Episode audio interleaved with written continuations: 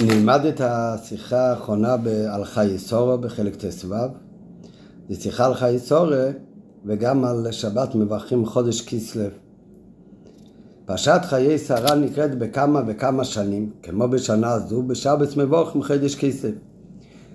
ועל פי הידוע שיש קשר בין פרשיות השבוע לזמן בשנה שבו הן נקראות. מובן שבפרשה זו מרומז עניינו של חידש כסלו. מכיוון שפרשת שבוע היא קשורה גם לאותם ימים טובים ודברים שקורים באותו זמן שקוראים את הפרשה, אז אם שבס מבוך עם חידש כסלו ויוצא לשבת פרשת חיי שרה, אז יש קשר בין חודש כסלו לבין פרשת חיי שרה.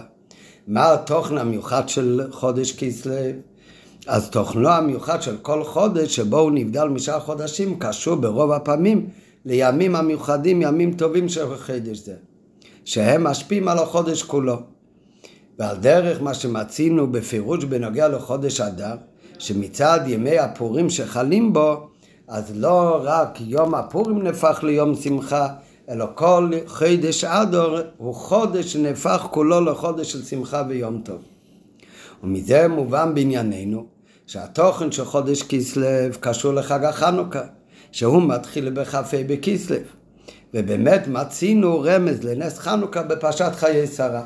מכיוון שפרשת חיי שרה זה מברכים חודש כסלו, והתוכן של חודש כסלו הוא מתבטא ביום טוב של חודש כסלו שזה חנוכה, אז חייבים לומר שיש קשר בין פרשת חיי שרה לבין היום טוב של לבין חודש כסלו שעניינו זה חג חנוכה.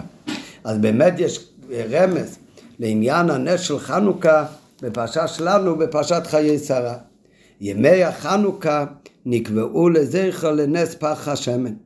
מה היה הנס של פח השמן? שלא מצאו אלו פח אחד של שמן ולא היה בו אלו להדליק יום אחד. נעשה בו נס והדליקו ממנו שמונה ימים. ונס כזה מצינו גם לגבי שרה ורבקו. כדברי חז"ל על הפסוק, ויביאה יצחוק או אילו סורו אימי שכתוב בפרשה שלנו, אז אומרים חז"ל ורש"י מביא שויביאה יצחק או אילו, פסיק, שרה אימו. זאת אומרת יצחוק הכניס את רבקו לאוהל ואז הוא רש"י כמו שרה אימו, שקרא לה אותו נס כמו שקרא לסורו אימי ואחד מהניסים הוא שהנר של שבס שהם הדליקו היה דולג מלילה שבס ועד לילה שבס. זאת אומרת הם הדליקו נר שבס, שזה לזמן מועט, שמצווה של נר שבס נראה בהמשך, זה מצד עינק שבס שצריך להיות אור בסעודת שבת. והנס היה שהנר הזה שהם הדליקו לנר שבס, הוא דלק מערב שבס עד לערב שבס שבוע הבא. אז זה בדומה ממש לנס שהיה בנס חנוכה, שמצאו פח אחד של שמן, שהיה בו מספיק שמן לדלוק ליום אחד, ללילה אחד, ונעשה בו נס, והוא דלק למשך שמונה ימים. אז בזה יש לנו כבר קשר בין פרשת חיי סורו לבין הנס של חנוכה. דרך אגב, בהערה שבע מביא הרבה שמה שאומרים כאן שהתוכן של חג חנוכה קשור לנס של, של הנרות, שלא מצאו לו פח אחד של שמן, אז בעצם זה במחלוקת דבר ראשונים. הגמרא שואלת מהי חנוכה במסכת שבת, ומספרת את הסיפור שמצאו פח אחד של שמן שלא היה בו אלא להדליק יום אחד והדליקו ממנו למשך שמונה ימים. אבל זאת אומרת, ורש"י שם אומר לגמרא, מה השאלה של הגמרא מהי חנוכה? שהשאלה מהי חנוכה, אומר רש"י על איזה נס קבוע. זאת אומרת שבחנוכה קרוי, קרה יותר מנס פח השמן. קרה גם הנס של ניצחון המלחמה, שנמצאו רבים ביד מעטים וכולי. ועל זה שואלת הגמרא, מהי חנוכה? אומר רש"י על איזה נס קבוע מכל מכלול הניסים שקרו בימי חנוכה. על איזה נס קבעו את היונטב של חנוכה, ועל זה עונים שזה קבעו את היונטב בגלל הנס של פח השמן. לעומת זאת הרמב"ם אומר בהלכס חנוכה שהיונטב של חנוכה קבעו אותו גם בגלל ניצחון המלחמה.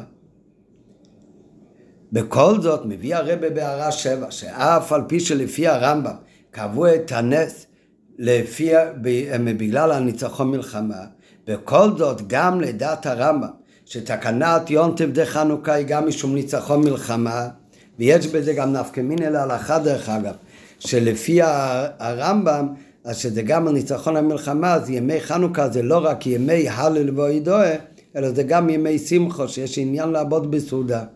מה שאין כן לפי רוב הפוסקים, שבחנוכה אין מצווה לעשות סעודה, זה מכיוון שנר חנוכה קבעו לא לנס ניצחון המלחמה, אלא, בעיקר, אלא קבעו את היונטים של חנוכה בגלל הנס של פח השמן. אבל זה מוסבר במקומות אחרים.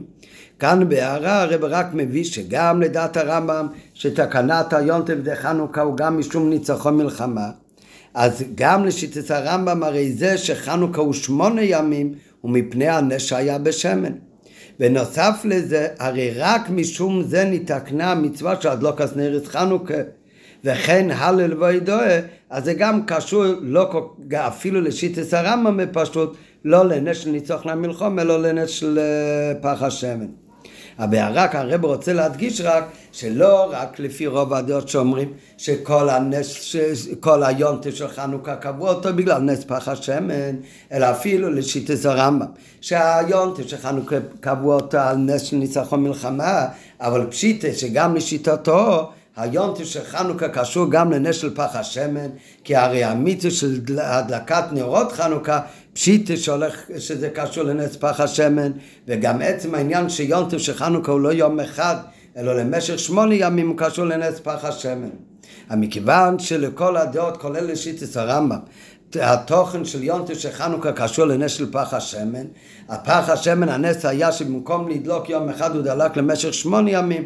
אז זה קשר גלוי למה שמובא בפרשה שלנו, והביאה האלו סורו אימוי והביאו יצחוק לו סורו אימי שגם שם היה הנס שדלקו נרות שבת מערב שבת לערב שבת. אף על פי כן מובן שבנס חנוכה יש חידוש לגבי הנס שהיה בנרות של צורו ורבקו. בפרט שנס חנוכה גרם שיקבעו לזכרי יום טוב מיוחד. זאת אומרת שאף על פי שאמרנו עכשיו שיש משותף בין הפרשה הנס של סורו ורבקו לבין הנס של חנוכה, אבל ביחד עם זה צריך לומר שגם בכל אחד יש חידוש, ויש חידוש בנס של חג החנוכה עוד יותר ממה שהיה הנס שהיה בסורו ורבקו. וזה מתבטא גם בזה שדווקא לנס חנוכה קבעו יונטב תמידי לבני ישראל. בפשטות אפשר לומר, בוודאי יש מעלה בנס של, של חנוכה, שהנס של סורו ורבקה הרי היה רק שבע ימים, שדלקו נרות שבת במקום ליום אחד, מערב שבס לערב שבס זה שבע ימים. לעומת זאת הנס של חנוכה שמצאו פח אחד שבמקום שדלק יום אחד הוא דלק למשך שמונה ימים, הדליקו בו שמייני נרס. אז על זה אומר הרבה שזה דרך הגלמה, דרך הגלמה שכל המעלה של הנס של חניקה לגבי הנס של צור ורבקו הוא רק בכך שמפח השמן שמחנוכה שלא היה בו לו להדליק יום אחד הדליקו שמונה ימים. מה שאין כן הנר של צור ורבקו דלקו באופן ניסי קרוב לשבעה ימים בלבד כי אם זה כל החידוש של הנס של נר חנוכה אז זה לא באמת חידוש והוספה במהות הנס. זה סך הכל אותו נס שבמקום שנר ידלק לזמן מועט הוא דלק לריבוי זמן וההבדל הוא סך הכל בקמוס שכאן הנס נמשך לשבע ימים וכאן הנס נמשך לשמונה ימים. אז אין זה חילוק במהות ואיכות הנס אלא רק בכמות במשך הזמן שערך הנס יותר מתאים לומר שזה שקבעו יונטב בנוגע לנס שקרה עם פח השמן הוא לא רק כי הנס הזה היה יום אחד יותר מהנס שהיה של צורו ורבקו, אלא באמת שבמהות הנס של נריס חנוכה הוא באמת במהות נס יותר נעלה ובאופן חידוש יצא ממה שהיה הנס שהיה בצורו ורבקו. עד כאן זה בפנים השיחה. אז כאן הרב אומר שלא נאמר שהייחודיות של נס חנוכה לעומת מה שהיה אצל אמהות זה שזה לא היה שבע ימים אלא שמונה ימים. אבל בפנים השיחה הרב אומר כי זה יהיה רק תוספת בכמות הנס באריכות זמן הנס ולא בעצם מאוס הנס. וזה מוסיף הרב בהערה 13 שהאמת שגם לאו דווקא בכלל שזה תוספת בכמות הנס אפילו. מכיוון שבמנורה הרי מצאו שיש שמן ליום אחד שלם, והנס היה שדלקו שמונה. לעומת זאת, הנר שהדליקו האימהות, הרי לא היה בו שמן ליום אחד אפילו. כי הרי נר שבס, המצווה לדלוק את זה, זה מצד ענק שבס, שיהיה נר דולוק בזמן סעודי שבס, אז היה שם בנר, לא היה אפילו ליום אחד, גם לא היה לחצי יום, אלא היה לכמה שעות בפשוט. וכאן נעשה נר שזה דלק לשבע ימים. ככה שזה שמצאו פח אחד של שמן שהדליק, שהיה בו מספיק ליום אחד, והדליקו בזה שמונה ימים, אז גם בקמוס זה כבר לא כל כך, כמו שאמרנו מקודם, הם מוכח שהם אה, הרבה יותר מהנר שבת שדלקו למשך שבע ימים. אדרבה, יכול להיות שזה, שהנס של כמה שעות לשבע ימים שלמים הוא יותר מיום שלם לשמונה ימים. בנוסף לזה, יותר מזו, אפילו אם הנרות של צורו ורבקה היה לכל היום שבס, אז עדיין לא רק שזה יהיה הוספה רק בקמוס, אלא גם לאו דווקא שיש הוספה בקמוס. כי בנוגע לנרס המקדוש, אז יש בזה מחלוקת, מחלוקת בראשונים. התורה אומרת בעלי יצרס הנרס מערב עד בקר. אחר כך יש עוד פסוק שכל יום בבקר ביטיבו את הנרות.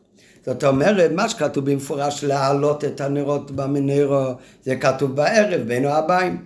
בבוקר כתוב העבודה, כמו שאנחנו אומרים כל יום, זה להטיב את הנרות. ובזה יש מחלוקת ראשוני, מה זה להטיב את הנרות.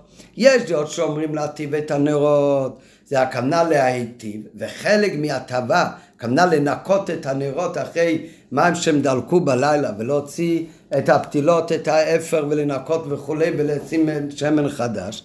אז זה כל העבודה של להיטיב את הנרס. אז יש אומרים שחלק מהעבודה של להיטיב את הנרס זה גם להדליק אותם מחדש. זאת אומרת, המנורה דלקה גם מבלילה עד הבוקר, ובבוקר היטיבו את הנרס, שהטוב את הנרס זה כלל הדלקה מחדש, ואז דלק גם עד הערב הבין הבאים.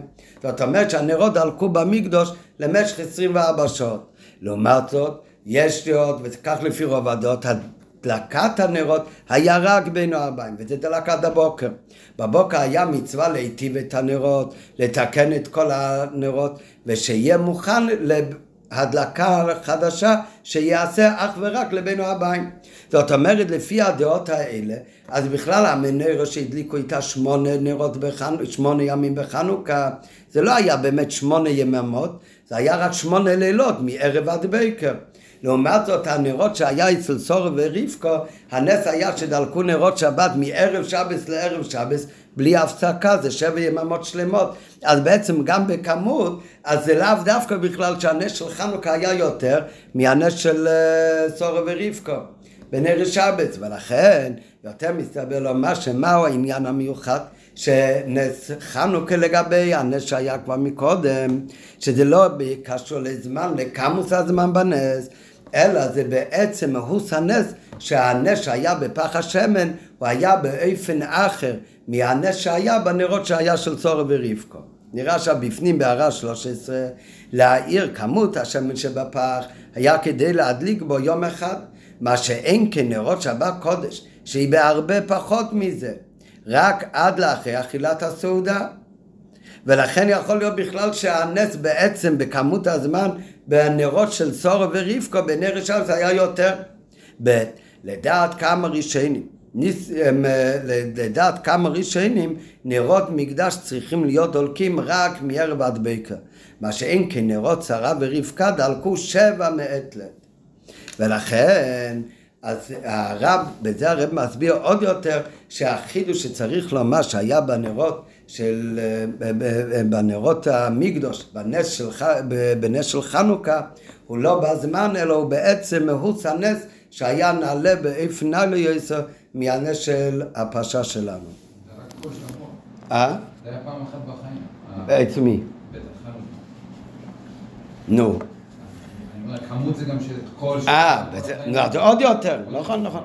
למרות שהרב אמר לפי מה שהרב אמר, שזה דק אבל בעצם לחנוכה שמונה ימים לעומת שבעה ימים, שזה הרבה יותר בהתחלה. נכון, גם אם זה היה יותר, אז הוא אומר, זה לא, לא חידוש באופן הנס, רק תוצא בכמות. והרב מוסיף שבעצם זה לאו דווקא שבכמות היה יותר, כי השמונה ימים לא היו שמונה ימים שלמים. לפי רוב הדעות זה דלק רק בלילה. השבע ימים היו שבע יממות, אז זה הרבה יותר. טוב, בביאו נס פח השמן מצינו בכללות, בכללות שני אופנים. איך קרה הנס של אה, חנוכה. שתי אופנים, נראה אחר כך בפנים. קודם נגיד בעל פה, כשאומרים שכוסית אחת של שמן, שאמור להספיק ליום אחד, הוא הספיק לשמונה ימים. איך זה יכול לקרות? זה רק בנס. רק מה היה הנס? אז יכול להיות שתי אופנים. נס אחד יכול להיות לא שהתווסף שמן, שכל יום ירד הפח שמן, ואחר כך הוא יתמלא מחדש. טוב, בזה עצמו יכול להיות שאופנים יתמלא בפח או יתמלא בתוך הנרות, נראה אחר זה כבר פרטים. אבל הכוונה שהכמות שמן הוא גדל, במקום שהשמן הזה ידליק יום אחד, הוא דלק שמונה ימים. איך הוא דלק שמונה ימים? התווסף לו עוד שמן. איך התווסף לו עוד שמן? בנס, זה הנס. קרה חנו... נס פח השמן, אז קרה לו נס. יש עוד אופן, איך זה יכול להיות? שאם לכמות הזאת של שמן לוקח לדלוק למשל שעה, אז בדרך נס הכמות שמן הזאת ירדה יותר לאט והיא דלקה שמונה שעות. זאת אומרת, כאן זה גם כן נס, אבל מה הנס פעל? הוא לא הוסיף בכמות השמן, אלא מה עשה הנס? הוא שינה את איכות השמן. שזה שמן רגיל יש לו כוח לדלוק לשעה. השמן הזה ישתנה והוא דלק לשמונה שעות. כאן זה לא שעה ושמונה שעות, אלא במקום יום אחד לשמונה ימים. אז זה שתי אופנים איך יכול להיות שקרה נס של חנוכה. או שהנס של חנוכה היה שהתווסף בכמות השמן, זאת אומרת איך שדלק השמן, המהירות של ירידת השמן היה אותו דבר. אז איך קרה נס שזה דלק שמונה ימים? כי בנס התווסף עוד שמן בתוך הפח או בתוך המנורה. האופן השני שיכול להיות שקרה נס חנוכה, שבמקום שבלילה אחד יתרוקן כל הכמות של שמן, דלק כל הלילה, וכמה יתרוקן? רק שמינית. וכאן מה קרה? ישתנה בדרך נס. לא בדרך נס ישתנה כמות השמן, אלא בדרך נס ישתנה איכות השמן. וזה יש שתי דעות במפרשים דנים מה היה בנס של חנוכה בבית המקדוש, איך קרה הנס הזה. א', הייתה הוספה בכמות השמן בדרך נס, עד שהיה די שמן לכל שמונה ימים. אה, וזה עצמו, איך התווסף כמות השמן בנס? אז זה גוף ויכול להיות גם כן בשתי אופנים. או שבכל יום אחרי שמילאו את הנרות נשאר פח מלא כבתחילתה. זה אופן אחד. יש מפרשים שאומרים הכהן הלך ושפך, היה כת שמן של מצור זה היה מספיק למלוא פעם אחת את המנורה, ללילה אחד, מילא את הכל, ואז הוא רואה שמה קורה עם הפח? הוא מלא. נו, אז מה קרה? כמה נשק קרה?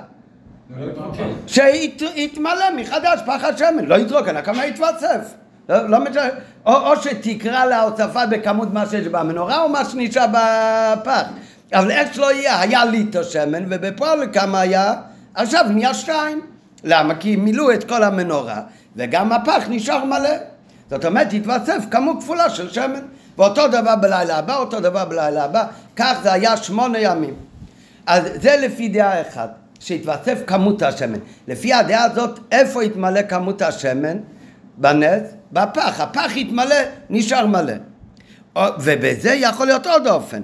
האופן השני, שכל יום אחרי שמילאו את הנרות, נשאר הפח מלא כבתחילה, זה האופן הראשון, או כי כל יום מצאו הנרות מלאים שמן. וזה שתי סברות שמובא בבית יוסף. או האופן השני הוא שבלילה דלקו הנרות ובבוקר הגיעו ובדרך נס עוד הפעם התמלא המנורה. כל הלילה ירד השמן בפשטות, איך שמבינים עכשיו, ובבוקר מצאו את המנורה מלאה. איך מצאו אותה מלאה? התמלתה מחדש. כן, אז זה שתי האופנים שהתווסף בכמות השמן. או שהתווסף בכמות השמן בפח, שכמה שמילאו את המנורה הפח נשאר מלא, או שהתמלא השמן, שאת כל השמן מהפח מילאו במנורה. אחר כך הפח כבר היה ריק. כל בוקר כשבאו, מה ראו? שאחרי שדלק כל הלילה המנורה, עוד הפעם היה מלא המנורה. איך היא הייתה עוד הפעם מלאה? התמלתה מחדש בדרך נס, זה בפשטות. וזה שתי סברות שמביאה בייס יוסף. ב' יש אבל עוד אופן, שהנס של חנוכה לא יתווסף טיפה אחת של שמן כל השמונה ימים. אם ככה, איך קרה הנס שבמקום לילה אחד ידלק שמונה ימים? האופן השני שלא ישתנה כמות השמן, אלא מה שישתנה זה איכות השמן. שבמקום שלילה שלם יכלה את כל הנר, אז במקום זה, לילה שלם זה דלק והוריד רק שמינית. גם בזה יכול להיות שתי אופנים. או שבכל יום הכניסו לכתחילה למנרו רק שמינית, כי ידעו שייקח שמונה ימים עד שיעשו שמן חדש טהור כמו שנראה אחר כך, אבל יש להם רק פח אחד, אז הלכו על בטוח, כל יום מילאו רק שמינית. זה דלק כל הלילה, ולמחרת עוד הפעם שמינית. זה לפי אופן אחד. האופן השני, אבל זה גם באיכות השמן, שהם מילאו בלילה הראשון את כל המנורה. הם מצאו רק אחד, מחר הקדוש ברוך הוא גדול, אולי יהיה עוד נס. למחרת בבוקר כשהגיעו ראו שבמקום שבדליקה של כל הלילה ייגמר כל השמן, ירד במקום כל הנר ירד רק שמינית, ובלילה השני עוד שמינית.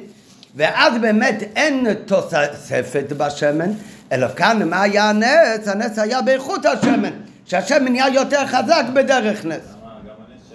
וגם בזה יש שתי אופנים. אם איכות השמן זה היה שמלכתחילה מילאו רק שמינית בכל יום, או שמילאו הכל וירד שמינית. אחרי שמינית זה נכבה. זה גם נס. אה? בסדר, זה אני לא יודע אם צריך... זה לא יודע אם זה כזה נס אה, מעל טבעי, גם בהלכה ברמב"ם, בהיטיבו את הנרות בבוקר, יש לפעמים נרות שנכבו ויש כאלה שנשארו דולקים. כן, מה זה, אה, לא קרה לך אף פעם בחנוכה שאתה מגיע הביתה והנר אה, כבוי ונשאר שמן בזכוכית? נו בוודאי. לא למה שקונים ברמי לוי? שנשאר השמן, לא, זה קורה שהביא נר במודם. יכול להיות, יכול להיות שזה היה עוד נץ. אני אומר, רק זה בטוח לא נץ גלוי כל כך. אנחנו מדברים כאן מה קרה עם השמן. לא עם איך דלק ונכבה, אנחנו מדברים על השמן עצמו. ושמן עצמו יכול להיות שתי אופנים. או שיתווסף בכמות השמן, או שישתנה על ידי הנס איכות השמן. זה שתי אופנים. בעת הנץ היה באיכות השמן.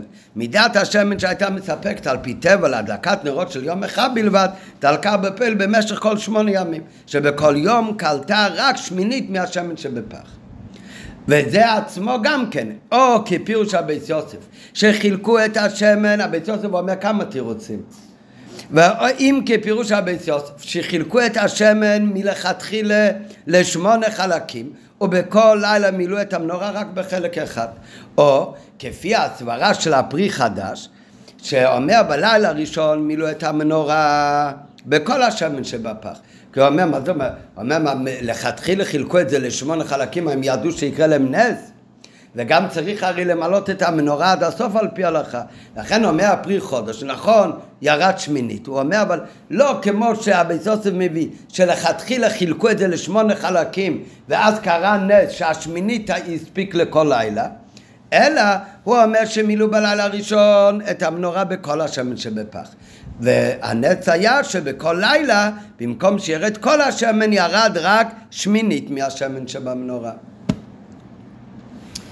ועל פי זה נמצא לכאורה שהבירור הנ"ל עם נס חנוכה הוא באותו סוג של נרות צורה ורבקה תלוי בשתי אופנים הנ"ל.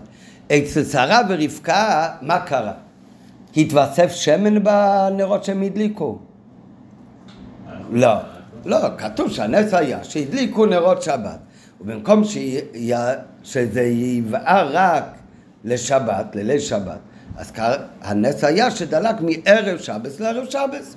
אותו נר, לא שהתווסף. זאת אומרת, אז בפשטות, מה היה בנס של סורה ורבקה, מה השתנה? כמות השמן שהתווסף, או שהשתנה איכות השמן? אה? איכות השמן. בפשוט זה היה איכות השמן. במקום שהכמות שהם הדליקו, זה אמור להספיק לארבע שעות, אז במקום זה זה ירד לאט לאט הרבה הרבה יותר, זה בדרך נס, וככה הוא ירד במשך שבוע שלם. אז כאן הנס היה שאיכות השמן השתנתה. זה בפשוט. אם אנחנו שואלים, אם חנוכה היה אותו סוג נס כמו של צורו ו... ורבקו בנרס שבס, אז זה יהיה תלוי בין שני אופנים שלמדנו מקודם, שמובא גם בבית יוסף, איך היה נס של חנוכה. אם אנחנו אומרים בחנוכה, אז כל יום ירד רק שמינית, אז יוצא שהנס חנוכה היה ממש זהה לנס של צורו ורבקו.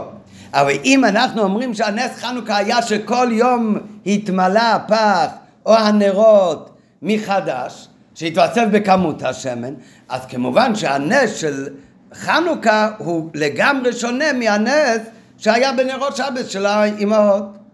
כי שם ישתנה איכות השמן, לעומת זאת כאן יתווסף בכמות השמן. ועל פי זה נמצא לכאורה שהבירור בהנ"ל אם נס חנוכה זה אותו סוג נס של נר סורו ורבקו תלוי בשני אופנים הנ"ל לפי האופן השני שכל יום ירד שמינית מהנר אז יוצא ששתי הניסים הם מסוג אחד זה הוספה איכותית בכוח הדלקה של השמן בשני המאורעות בערו הנרות במשך זמן ארוך הרבה יותר מאפשרי על פי טבע החילוק ביניהם יהיה רק שבחנוכה הייתה הוספה בכוח הדליקה גדולה יותר, כי זה היה שמונה ימים לעומת הנרות של אה, סורו. ושבחנוכה היה בכל יום נס בפני עצמו, כי הרי כל יום הצליחו להדליק מחדש את המנרו, מה שאין כן בנס של סורו ורבקו, הם דלקו רק שבעת ימים וברציפות. אבל האופן של הנס הוא אותו, הוא אותו נס. בשתי הניסים פשוט השתנתה האיכות של השמן. זה היה הנס שקרה. לעומת זאת, ואז יוצא שהנס של חנוכה הוא זהה לנס שקרה עם הנרות שבת של אמהות. מה שאין כן לפי האופן הראשון, לעומת זאת אם אנחנו אומרים בחנוכה היה שהתווסף בכמות השמן, או שמילאו מהפח והפח יתמלא נשאר שלם, או שכל בוקר ראו את הנרות מלאות במנרות. אם ככה התווסף בכמות השמן, אז זה נס שונה לגמרי ממה שהיה אצל האימהות. זה אימהות נשאר אותו שמן, רק הוא דלק יותר לאט. השתנה בדרך נס איכות השמן, אבל לא על ידי נס נעשה יש מאין שמן חדש. לעומת זאת, לפי, לעומת זאת בחנוכה, אז כאן התווסף, היה ליטר אחד שמן, אז נהיה שתי ליטר, וביום הבא עוד ליטר, וביום הבא עוד התווסף בכמות השמן. מה שאין כאן לפי איפן הראשון, אז נס חנוכה היא מסוג אחר, בו נבראה באופן ניסי מציאות של שמן נוסף, מה שלא מצינו ארץ של סוף ורבקו. איזה נס יותר גדול? הנס הזה למה? בוודאי, לעשות ששמן שאמור לדלוק שעה הוא דולק שמונה שעות, זה גם כן נס, זה גם כן למעלה מהטבע. אבל זה לא יש מאין, זה יש מיש. השמן קיים, והשמן נשאר עם אותו תכונות שהוא דולק. רק האופן, איך הוא דולק, זה גם בדרך נס, בוסר בדום לא יכול לעשות את זה. אבל זה נס, יש מיש, הוא שינוי באיכוס השמן. לעומת זאת, אם אומרים שהיה כמות מסוימת בשמן, ואיך דלק מזה שמונה ימים כי התווסף השמן, אז כאן זה בריאה, יש מאין, זה נס יותר גדול לחרת. מה שאין כן לפי האופן הראשון, אז נבראה באופן ניסי מציאות של שמן נוסף, מה שלא מצינו בנרס של סורו ורבקו. נו, אז זה יכול להיות החידוש של נס חנוכה לגבי הנס שהיה אצל אה, סורו. על זה אומר הרב, אבל גם אם נגיד שלפי הדעה הזאת, שהנס של חנוכה היה תוספת בכמות השמן, אז זה גם לא כל כך חידוש שקרה בחנוכה. למה? כי גם נס כזה היה עוד לפני חנוכה, שהתווסף לא באיכות השמן בנס, אלא שהתווסף בכמות השמן. גם כזה נס, גם כבר היה לו אלומים, היה עוד לפני נס של חנוכה. איפה היה כזה נס? השבוע. שבוע קראנו בהפטרה. כשהיה אלישע, הגיע אליו אישה אחד מנשי בני הנביאים, כמו שדיברנו בשבת, וזו הייתה אשתו של עובדיה הנביא, והיה לו הרבה חובות כי הוא הציל את הנביאי אמת ולקח את החובות מבית המלך ואחר כך הנושה בא לגבות את החוב רוצה לקחת את הילדים שלה מה זה הילדים? זה האב וויר נכון? אז הוא רצה פשוט לקחת את הילדים ולא היה מה לשלם מה אומר לה אלישע? אומר אלישע מה נשאר לך בבית? אסור כת שמן קטן אז הוא אומר לה, תלכי לכל השכנים, תקחי הרבה כלים ריקים, ואת תקחי את הסוך שם קטן ותתחילי לשפוך. ועם זה היא מילתה את כל הקדים, את כל החביו בשמן. נו, כאן מה היה הנס? כמות השמן, התווסף מהסוך אחד של שמן, מזה מילתה כלים ריקים על תמיד מלא מלא כלים היא מילתה במלא שמן. אז זה בסדר, אתה צודק, התוספת, אבל לא השתנתה איכות השמן. אני אומר כמו אה, יש מאין. אז זה התווסף בכמות השמן. אז גם אם נגיד שהנס של חנוכה היה באופן הראשון, שהתווסף כמות השמן, אז נכון שהנס של חנוכה יש בו עילוי וייחודיות לגבי הנס שקרה עם הנרו של צורו ורבקו, אבל עדיין קשה לומר שזה כל החידוש הנס של חנוכה. כי גם סוג נס כזה גם כבר ראינו. איפה ראינו כזה נס? באישה עם אלישו. אבל גם לפי אופן זה לא היה חידוש במהות הנס של חנוכה, כי גם אופן נס זה כבר מצינו לפני כן, כמפורש בתרס שבכתב בנביאים את הנס של הסוך שמן על ידי אלישו. ולכן הביוש של הרבה יהיה אחר כך בעוד ד' שבאמת נס חנוכה לא היה לא כמו זה ולא כמו זה. זאת אומרת, הנס שהיה בנר שבת של סורי ורבקו זה היה נס שהשתנה איכות השמן. בנס שהיה אצל אלישו זה היה נס שהתווסף בכמוס השמן. והנס של חנוכה היה באופן שלישי יותר נעלה. אבל לפני שמגיע למסקנה מה היה הייחודיות של הנס של חנוכה, אז מקודם הרב מקדים שבעצם גם לפי אופן הראשון שהתווסף כמוס השמן וגם לאופן השני שישתנה איכות השמן בחנוכה לכל אחד משתי הפירושים האלה יש קושי. כן? נגיד קודם בעל פה, אחר כך יהיה יותר כנראה את זה בפנים. ההלכה היא, ממה צריך להדליק את המנורה בבית המקדש? צריך להדליק אותה עם שמן זית זך, כתית נעל למאור. אומרת התורה במפורש שהשמן צריך להיות שמן זית. אם אנחנו אומרים שהנס היה כפי אופן הראשון שהתווסף בכמות השמן. היה פח אחד של שמן ואחר כך מילאו את המנרו וקרה נס שהתמלא מחדש הפח. או שפשוט כל בוקר ראו שהמנורה התמלתה מחדש. נו, אז השמן הראשון ששפכו למנרה והדליקו, ממה היה השמן הזה? מזיתים. והיום השני שהדליקו את המנורה, ממה היה השמן הזה? מנס. אז זה שמן שיצא מזיתים או יצא מנס? זה נס, זה שמן נס. אז זה לא שמן זית בכלל.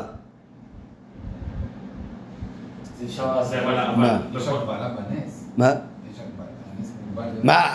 מה? לא יודע, לא כתוב שהיה בחנוכה נס שכל יום ירדו זיתים והם נכתשו ונעשה שמן. לא, אבל בכל, בכל מצב שהיה שמן זית, בעצם או שהוא גדל או שהוא לא משנה, המקור שלו היה מזיתים. מה זה, מה זה, מה זה? הנס היה בפועל של דרך טבע. היה ליטר אחד, לא, זה היה נס לא על דרך הטבע, זה היה נס למעלה מהטבע, שהיה ליטר של שמן זית בפח, ושפכו אותו, יש שתי אופנים, או שהיה במנר או בפח, נגיד לפי, זה רק לדוגמה, זה לא משנה על איזה יהיה השאלה.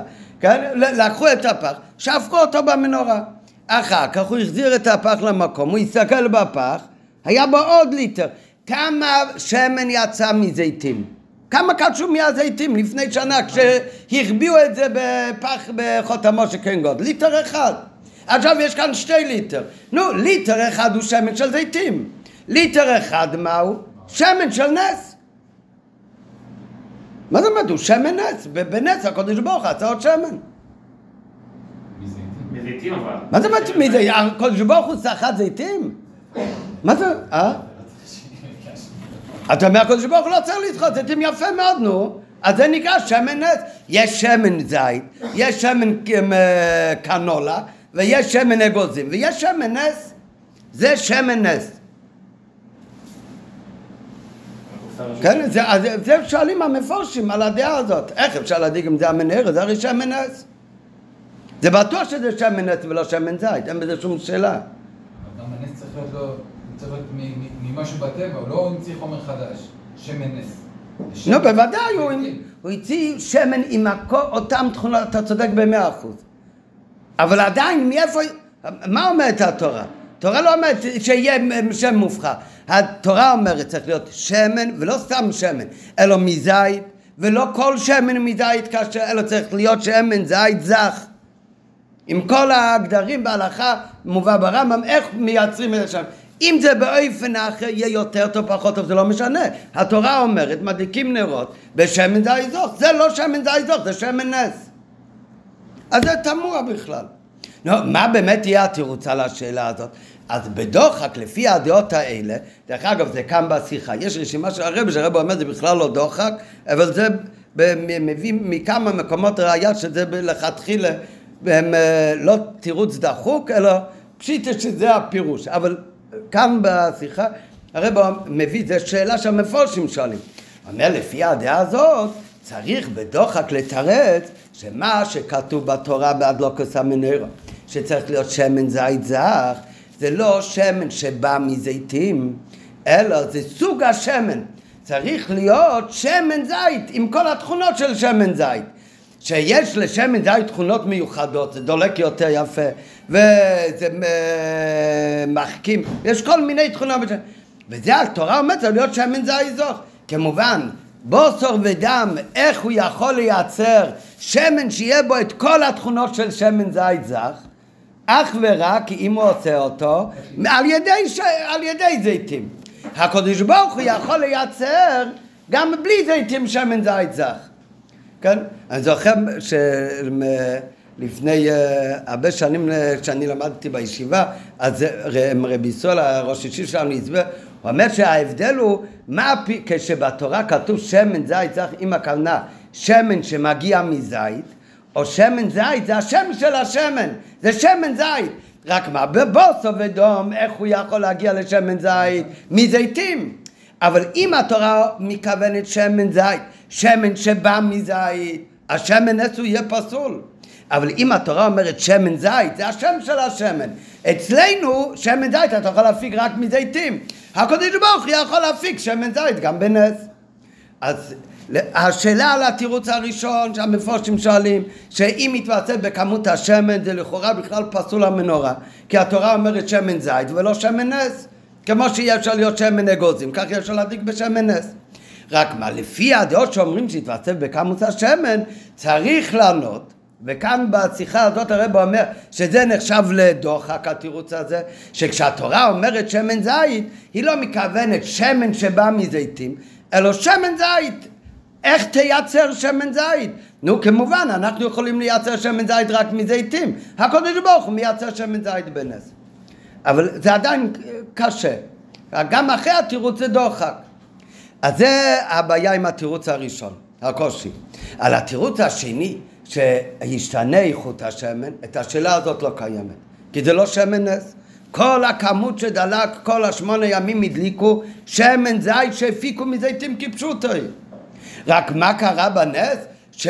שאותו שמן זית הוא דלק ליותר זמן, אז השתנה טבע השמן.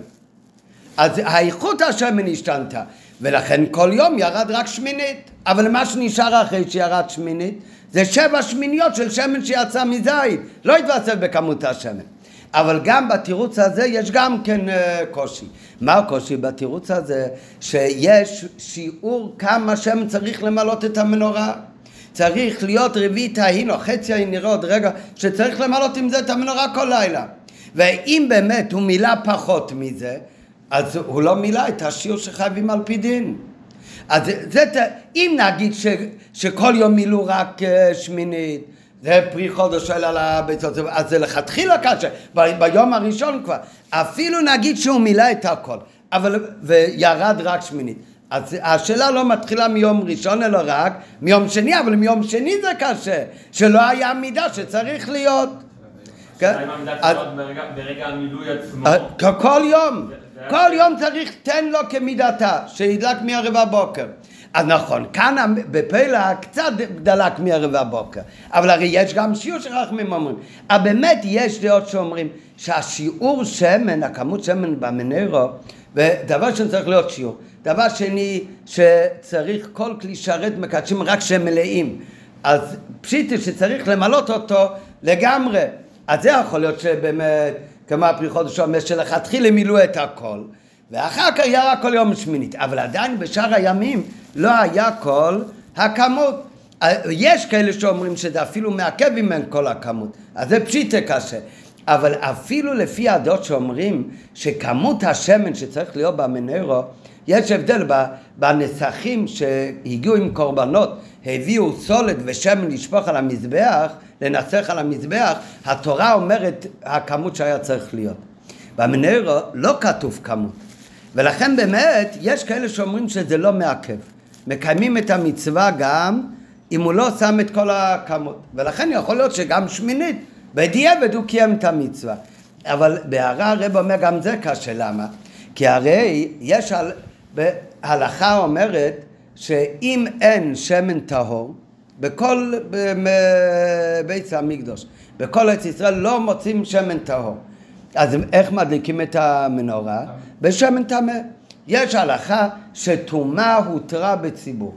לא לכל הקורבנות ולא לכל העבודות בבית המקדוש, אבל אותן עבודות בבית המקדוש, שכתוב תמיד, שצריך להיות תמיד, כמו תומית של שחר, תומית של בין הבאים, הדלקת מנורה בבית המקדוש, גם שם כתוב תמיד, אז שמה אפילו בטומאה, מה הכוונה אפילו בטומאה? זה אסור, מדאורייתא, אלא הכוונה זה כשאין טהור, כשאין טהור, אז זה נקרא טומאה דחויה או הותרה בציבור. ואם ככה נשאלת השאלה, מה היה צריך את כל הנס של חנוכה? היה פח של שמן, ידליקו יום אחד טוב. מחר בלילה אין, שמונה ימים לקח הזמן לייצר שמן טהור חדש.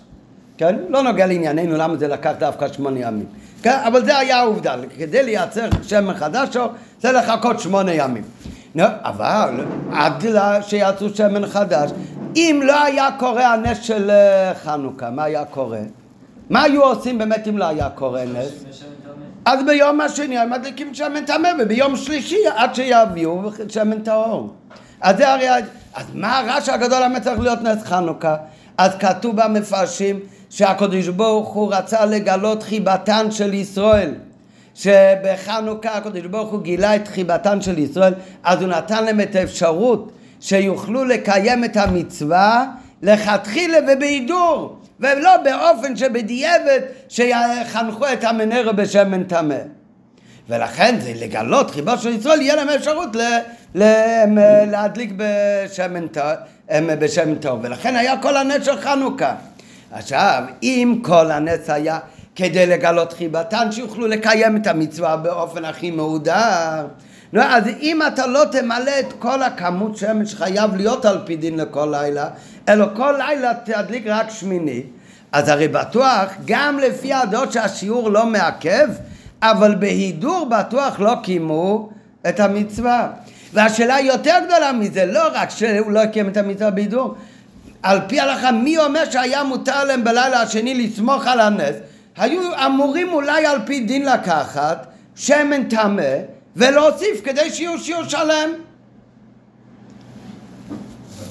מה, הרי על פי הלוכה צריך להיות שיעור שלם כדי להדליק את המנורה ועל פי הלכה טומאה הותרה בציבור במקרה שאין טהור נו אז, על, סמך מה הם עשו רק פחות מהשיעור? מה כי פשוט לא היה? מה זאת אומרת? השאלה הראשונה זה שגם אם זה לא מעכב הרי אין כאן הידו דבר שני מי אומר מה יותר חשוב ממה? אולי באמת השיעור זה נוגע להלוכה לא פחות מזה שמצד חביבות יהיה דווקא טהור טוב, אז זה, אז, זה פשיטה שיש קושי גם בתירוץ הזה של איכות. אז השאלה על הדעה שאומרת שהנס היה שהתווסף כמות השמן, שלא הדליקו בשמן זית אלא בשמן נס. בדרך יצטרכו להגיד ששמן נס גם כשר, כי זה שמן נס כזה כמו שמן זית, הוא נהיה עם כל התכונות של שמן זית. בעזרת השם בחנוכה אולי נעשה על זה שיעור בפני עצמו. על הדעה השנייה קשה שאם ישנה איכות השמן, באמת השמן נשאר שמן זית, אף על פי שבהערה הרב אומר שגם זה אולי נקרא קצת שמן נס, כי זה כבר לא אותו תכונה של שמן בכלל, כן? כי אם שמן זית זה לא רק שמן שבא מזיתים, אלא כל התכונות של שמן זית, כאן כבר אין לו אבל את התכונות של שמן זית. התכונה של שמן זית כזה כמות יורד בשעה, כאן זה ירד בשמונה שעות אז זה לא תכונות של שמן זית. אז זה לא כל כך קשה, כי אה, הרב מביא שגם שמן זית עצמו יש הרבה איכויות, אז כאן היה בנס עוד יותר. אבל עיקר הקושי, אם משתנה איכות השמן, אז הרי יוצא שכל לילה ירד שמינית. אם ירד כל לילה שמינית, אז איך שלא יהיה, בין אם מלכתחילה חילקו לשמונה חלקים, או שבמנורה פשוט כל יום ירד רק שמינית, אבל מיום השני והלאה פשיטה שלא היה כל עמידה בנרות שבמנורה. והנה, נראה עכשיו בפנים באו ג' והנה בכל אחד משתי האופנים הנ"ל ישנו קושי קצת. על הביור שהייתה הוספה בכמות השמן, ידוע השאלה איך הדליקו את נרות המנורה בשמן של נס. והרי נאמר שמן זית לעלות נר תמיד. ועל כוכו צריך ליישב ששמן זית אין פירושו שמן שנסחט מן הזית, אלא שמן שיש בו כל התכונות של שמן זית, אורות צלול וכולי. ולפי הביאור, אז זה הקושי לפי התוספת בכמות השמן. לפי הביאור שהייתה הוספה באיכות השמן, שבכל הלקלת רק שמינית מהשמן שבפח, גם לא מחובר, גם לא ברור. הלא הדין בהדלקת המנר שתן לו מידתה שתהיה דולקת מערבת בייקר ושיערו חכמים חצי לוג וזאת בנוסף על העניין שכלי שרת צריך להיות מלא. כמובן מהדין שכלי שרת אינו מקדשים אלו במילואים, אלו מלאים. ועל פי הנ"ל נמצא שמהיום השני ואילך לא התקיים הדין של תן לו כמידתה והנרות לא היו מלאים. לא היה שיעור שלם שצריך לדבר או לאידך גיסא, על פי זה נמצא שבכל הימים מלבד ביום השמיני לא ניתנה במנורה מידתה דולקת מערב עד בוקר, אלא ביום הראשון פי שמונה, ביום השני פי שבע וכן הלאה. מה זאת אומרת? זה אם נגיד שהכניסו, לא חילקו לשמונה חלקים, אלא הכניסו הכל, וכל יום ירד רק שמינית. אז מה? אז כאן באמת בהתחלה מילאו אותם עד הסוף. אז קיימו את הקלישורס מקדשים במילואן. אפילו אולי נגיד שזה היה כמידתה, למה? כי בפלא כתוצאה מהנס, אז באמת הכמות הזאת הייתה מספיקה מערב ובוקר. אבל לפי הדעה הזאת אומר רבד, השאלה היא בדיוק הפוך, שהיה יותר מדי בפנים כל לילה.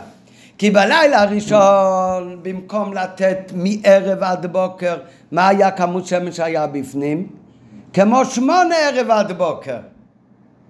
ובלילה השני, היה פי שבע מהכמות הנצרכת.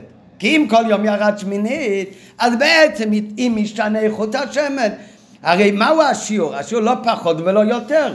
כמה שמן צריך להיות מערב עד בויקר. אם אנחנו מדברים מצד השיעור של חצי העין, נו, אז היה חסר, חסר השיעור. אם אתה אומר מצד כמה צריך לדלוק מערב עד בוקר, אז זה גם לא מתאים עם השיעור. כי אם הכנסת בהתחלה הכל וכל יום ירד שמינית, אז רק ביום האחרון היה שיעור של ערב הבייקר. וביום הראשון כששמו את הכל בפנים היה פי שבע יותר ממה שצריך לפי השיעור. אז או לכאן או לכאן לשתי הקצוות יש שאלה שהשיעור לא יתאים אם משתנה איכות השמן. ובהערות זה מה שאמרנו מקודם אז הרב מזכיר שאפילו אם, אם אה, זה לא מעכב אבל בטוח שזה לא יהיה נקרא הדלקה בהידור. והרי כל נס חנוכה היה כדי שלא יצטרכו להשתמש בשמן טמא, כדי שיוכלו לקיים בהידור. ולכן הרב מביא הסבר שלישי איך היה נס של חנוכה. לא התווסף לא בכמות השמן, כי אז זה הרי לא שמן זית, ולא השתנה איכות השמן, כי אז לא היה שיעור הנכון כל לילה במנרו. אלא איך היה הנס של נר חנוכה שהכניסו את כל הכמות של הפח בלילה הראשון כמו שצריך להיות על פי מצווה שיעור שלם. ולא ישתנה איכות השמן, נשאר אותו שמן ולא יתווסף שום שמן ככה שלא יהיה כאן שמן אה, נס. ואז הדליקו את הנרות והנס היה שכשהדליקו את הנרות השמן לא, לא ירד, לא ירד ולמחרת בבוקר או בערב, תלוי לפי הדות אם המנורה צריכה לדלוק בלילה או גם בלילה וגם ביום, לפני ההדלקה הבאה נכבו הנרות. ומה היה בפח? מלא. הרב אומר שזה הפירוש בבית יוסף שקראנו מקודם, או שהפח נשאר מלא אחרי שמילאו אותו, שזו הוספה בכמות השמן, או שהמנורה נשארה מלאה. אומר הרב, הכוונה מנורה נשארה מלאה, לא הכוונה שהתמלתה מחדש כל פעם, שזו הוספה בכמות השמן, אלא זה פשוט כל הזמן נשאר מלא. זה כל הזמן נשאר מלא. אם זה נשאר מלא... הוא לא ירד. אז למה צריך שיהיה שיש בהם שמן בפח? כי אם השמן נשאר תמיד שלם... לא, לא, הפ- הוא מילא עם הפח את כל השמונה נרות. עכשיו הפח היה ריק. ריק. אוקיי. כן? והם למחרת בבוקר אחרי שדלקה המנורה ראו את הנרות מלאים בשמן. איך הם היו מלאים בשמן? לא שבלילה ירד כל השמן ואז בנס עלה עוד הפעם, אלו שלא ירד השמן. נו, מה הכוונה שלא ירד השמן? אז זה יכול להיות שהיה נס, שדלק הפתילה ולא השמן. בדרך כלל, מה, מה הם, אה, כדי שפתילה יכולה לדלוק, אה, צריך להיות שמן. והאש, כל, ממה נהיה האש? מהשמן. מזה שהשמן נכלה, מזה נהיה אש. אז היינו יכולים להגיד שאה, זה חידוש של הרבה, מה big deal, מה? זה אופן חדש בנס, פשוט דלקו הנרות בלי שהשמן יורד. לא, זה לא- אה, לא מה? אה? זה עדיין לא המצווה של... או, כל הכבוד. אז זה לא הפירוש למה. נראה עוד מעט שיכול להיות גם כזה אבל זה לא יכול להיות שהיה כאן למה. כי המצווה זה להדליק נרות משמן זית זך, השמן צריך לדלוק. זאת אומרת, איך היה הנר ממה דלק האש? באמת, הפתילה שאבה מהשמן. וזה מה שגרם לאש לדלוק. אם לא, זה לא המצווה של הדלקת נרות מערב הבקר. אבל ביחד עם זה, השמן לא נכלה. השמן נשאר מלא. זה, זה, זה נס, נ- זה, זה נס יותר גדול משתי הנסים הקודמים, זה לא נס יותר גדול, זה נס מאופן אחר לגמרי, זה נמנע הנמנעות.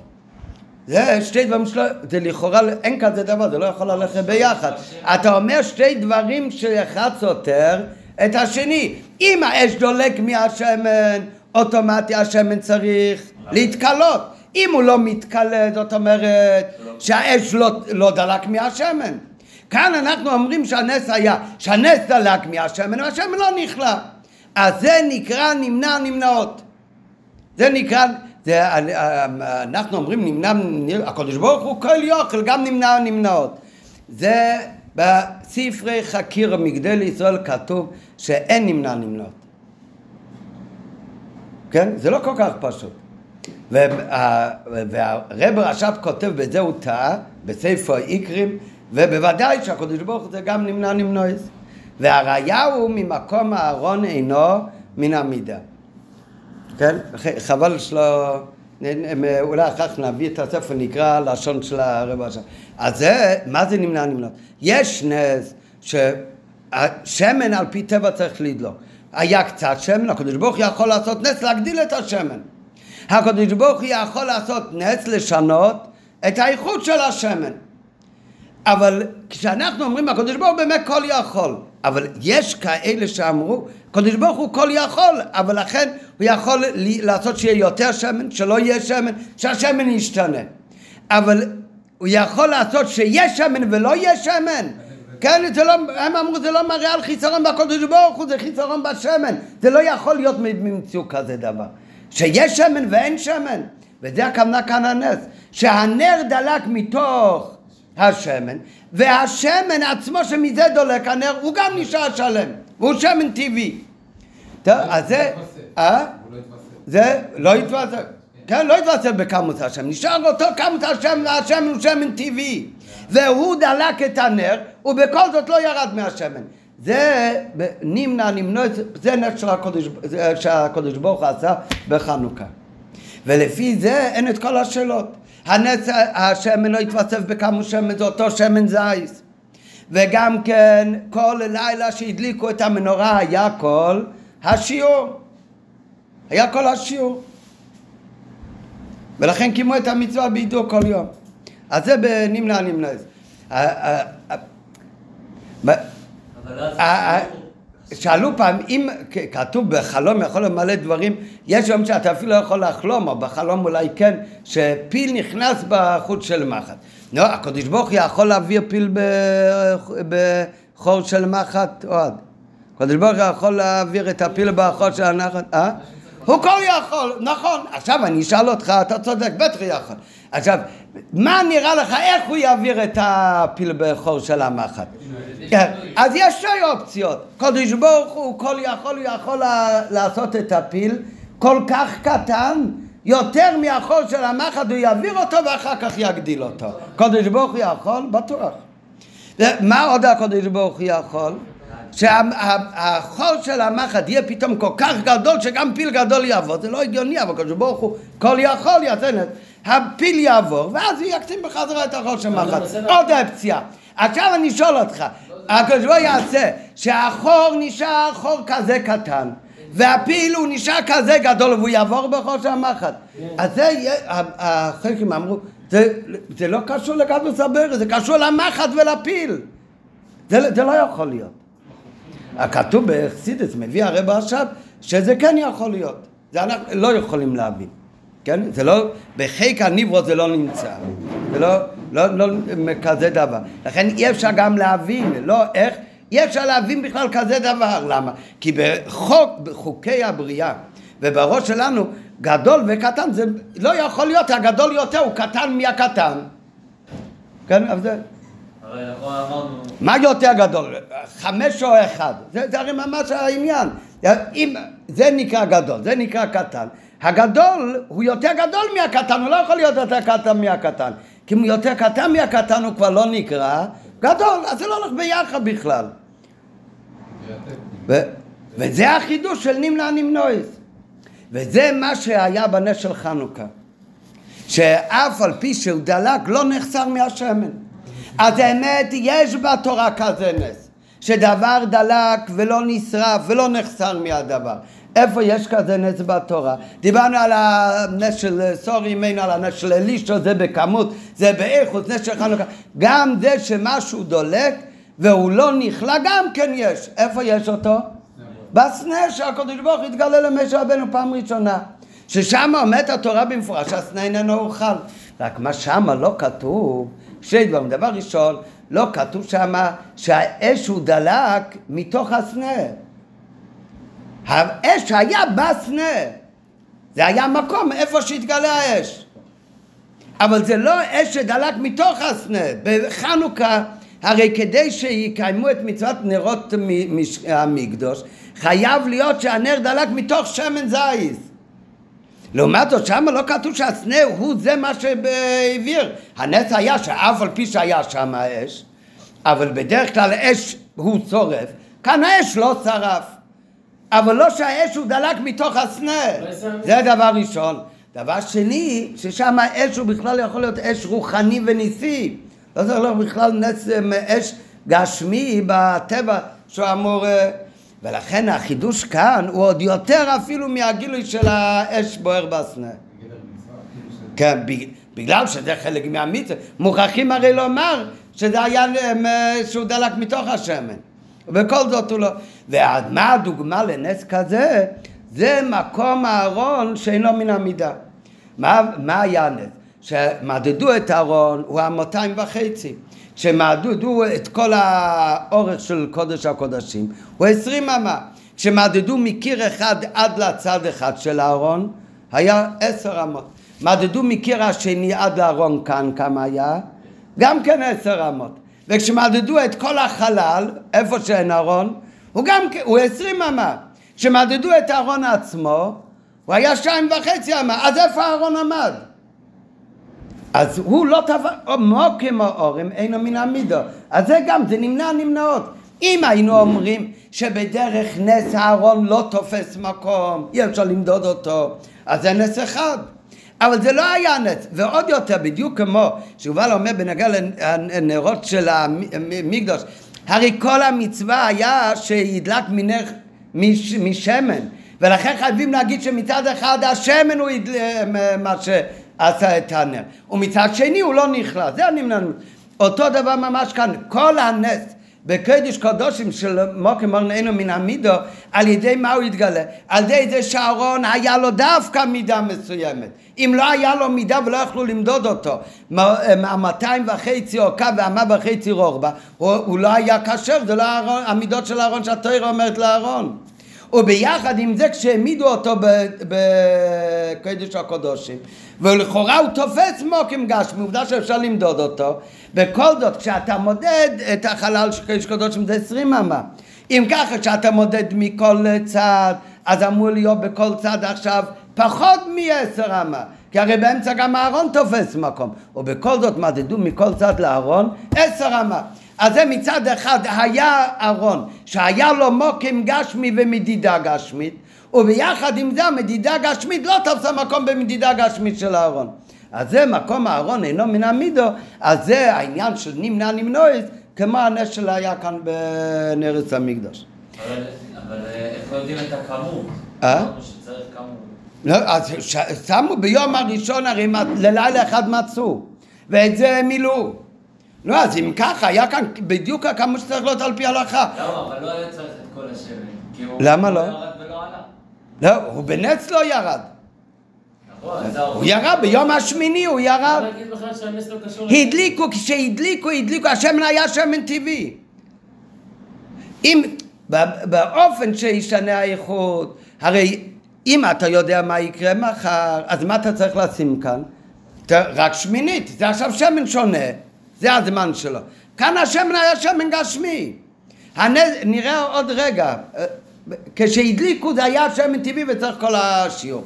איי, הוא לא ירד, כל רגע ורגע קרה הנס. נראה בהמשך מה... יכול להיות שאני אומר שאפשר גם לקשר בכלל את הנס, זה לא קשור לשמן. פשוט הפתילה, היא לא נשארה חדשה כל הזמן. ועד השמן, פעם אחת לא, פסלת אותו. ש- מה- מה זה משנה? הפתילה זה רק מחזיק את הלהבה. הלהבה היא לא מהפתילה. הל- הלהבה היא- היא מהשמן. מה זה? בגשמיץ. אתה ממלא כוסית עם שמן, אתה מכניס פתילה. אם אין שמן, הפתילה תוך שנייה צמא גפן נשרף, אין כלום. מה, מה עושה את הנר? מה עושה את הלהבה? השמן. ממה נהיה הלהבה? מהשמן שנכלה. אז כאן ממה נהיה הלהבה? מהשמן, והשמן לא נכלה. אז זה נמנע נמנעות. ו... אה? כן. לא, לא... לא... לא, התווסף בכמות, נשאר הכמות. כן. זה לא רק דומה, הרב את החידוש הזה אומר שזה הפירוש, שביציאות כתוב אופן אחד שנשאר בפח, או שהנרות נשאר מלאים, ופשוט הכוונה נרות מלאים, שהם התמלאו מחדש. אומר רבי לא, הם לא התמלאו מחדש, הם פשוט לא ירדו. אבל איך הם לא ירדו? אתה צודק, לא ירדו כי הם לא שבו מהשמן. זה שונה, כמו שהיה בסנה, זה לא נמנע נמנעות. הקדוש ברוך הוא יכול לעשות אש גם בלי אה, שמן. אבל כאן הרי כל העניין זה צריך להיות הדלקה בבית המקדוש עם השמן. זאת אומרת, זה שואב את השמן וזה מה שעושה את האש, וביחד עם זה השמן לא נכלה. וממה נפשך? אם הוא לא נכלה, אז הוא לא דולק מהשמן. אם הוא דולק מהשמן, הוא נכלה, איך זה יכול להיות? זה נמנע נמנעות. רגע, אבל איך זה שונה מהסנה הבוער? זה שם? כי ב- ב- בשדה הבוער זה בדיוק שנגיד שיש נס, שיש כאן אש, מה שמחזיק ומכלה את האש ועושה את האש, זה לא הנייר הזה, זה עניין רוחני שמחזיק אותו. רק הנס היה שבדרך כלל אם יש כאן אש, זה שורף אותו, וכאן זה לא שרף אותו, אבל הוא לא זה מה שהדליק אותו גם. אה, לא חייב להיות מהסנה. כן. ויש להם הביאו שלישי באופן של נס חנוכה, שבו לא יוקשה הקושיות האמורות ועל פי איפן זה יתבאר גם מה שבנס חנוכה היה חידוש בעניין הדלקת נרות, חידוש שלא מצינו דוגמתו, לא בהדלקת נרות של שרה ורבקה, שזה היה שינוי באיכות השמן, ולא מה שהיה באלישו, ששם היה הוספה בכמוס השמן, אלו כמובן לעיל בסיב בית מהבית יוסף נס חנוכה. היה לסברה אחת שנתנו את כל השמן בנרות ובבוקר מצאו הנרות מלאים שמן. ויש למה שהפירוש בזה הוא לא שהשמן קלה ואחר כך שוב יתמלאו הנרות שמן בדרך נס כמו שמבינים בפשטות אלא הפירוש הוא שהשמן בער וביחד עם זה לא נחסר ממנו מאומה. וכדברי חז"ל לגבי אש של מעלה בכלל שהיא שורפת ואינה אוכלת. רק מה, זה שהיא שורפת ואינה אוכלת זה לא כמו כאן, כאן זה עוד יותר, למה? זה שהיא שורפת ואינה אוכלת, איפה זה היה? בסנה גם כן. אבל בסנה, לאו דווקא שהוא זה שעשה את האש. מה שאין... נראה, בהמשך, אולי. גם אם תמצא לו מה שאפשר להדליק את המנורה בשמן של נס, כי יש בו תכונות של שמן זייקנל, הרי מובן שהאש והאור של המנורה מוכרח להיות כזה שהוא בא מן השמן למאור. זה בטוח שמה שעושה את האש צריך להיות מתוך השמן. מה שאין כן בסנה, בהערה שלושים, שמפורש וירום מלאך השם אליו בלבת אש מתוך הסנה. מה הכוונה? מקום האש היה הסנה, אבל הסנה לא היה סיבת האש. לעומת זאת בנרות חנוכה השמן הוא סיבת הנר, אם לא זה לא מצווה. ב' רגע, למה לא? הד... אה? לא, הסנה בעצם, אבל הסנה, כל הרעיון של הסנה בעצם היה אמור, כאילו יכול, אה, קיבלת אש, צריך את הסנה עצמו. לא. לא, למה? לא כתוב, כתוב הקדוש ברוך הוא התגלה אליו מתוך הסנה. האש היה שם, זה נכון, אבל לא כתוב שמה ש...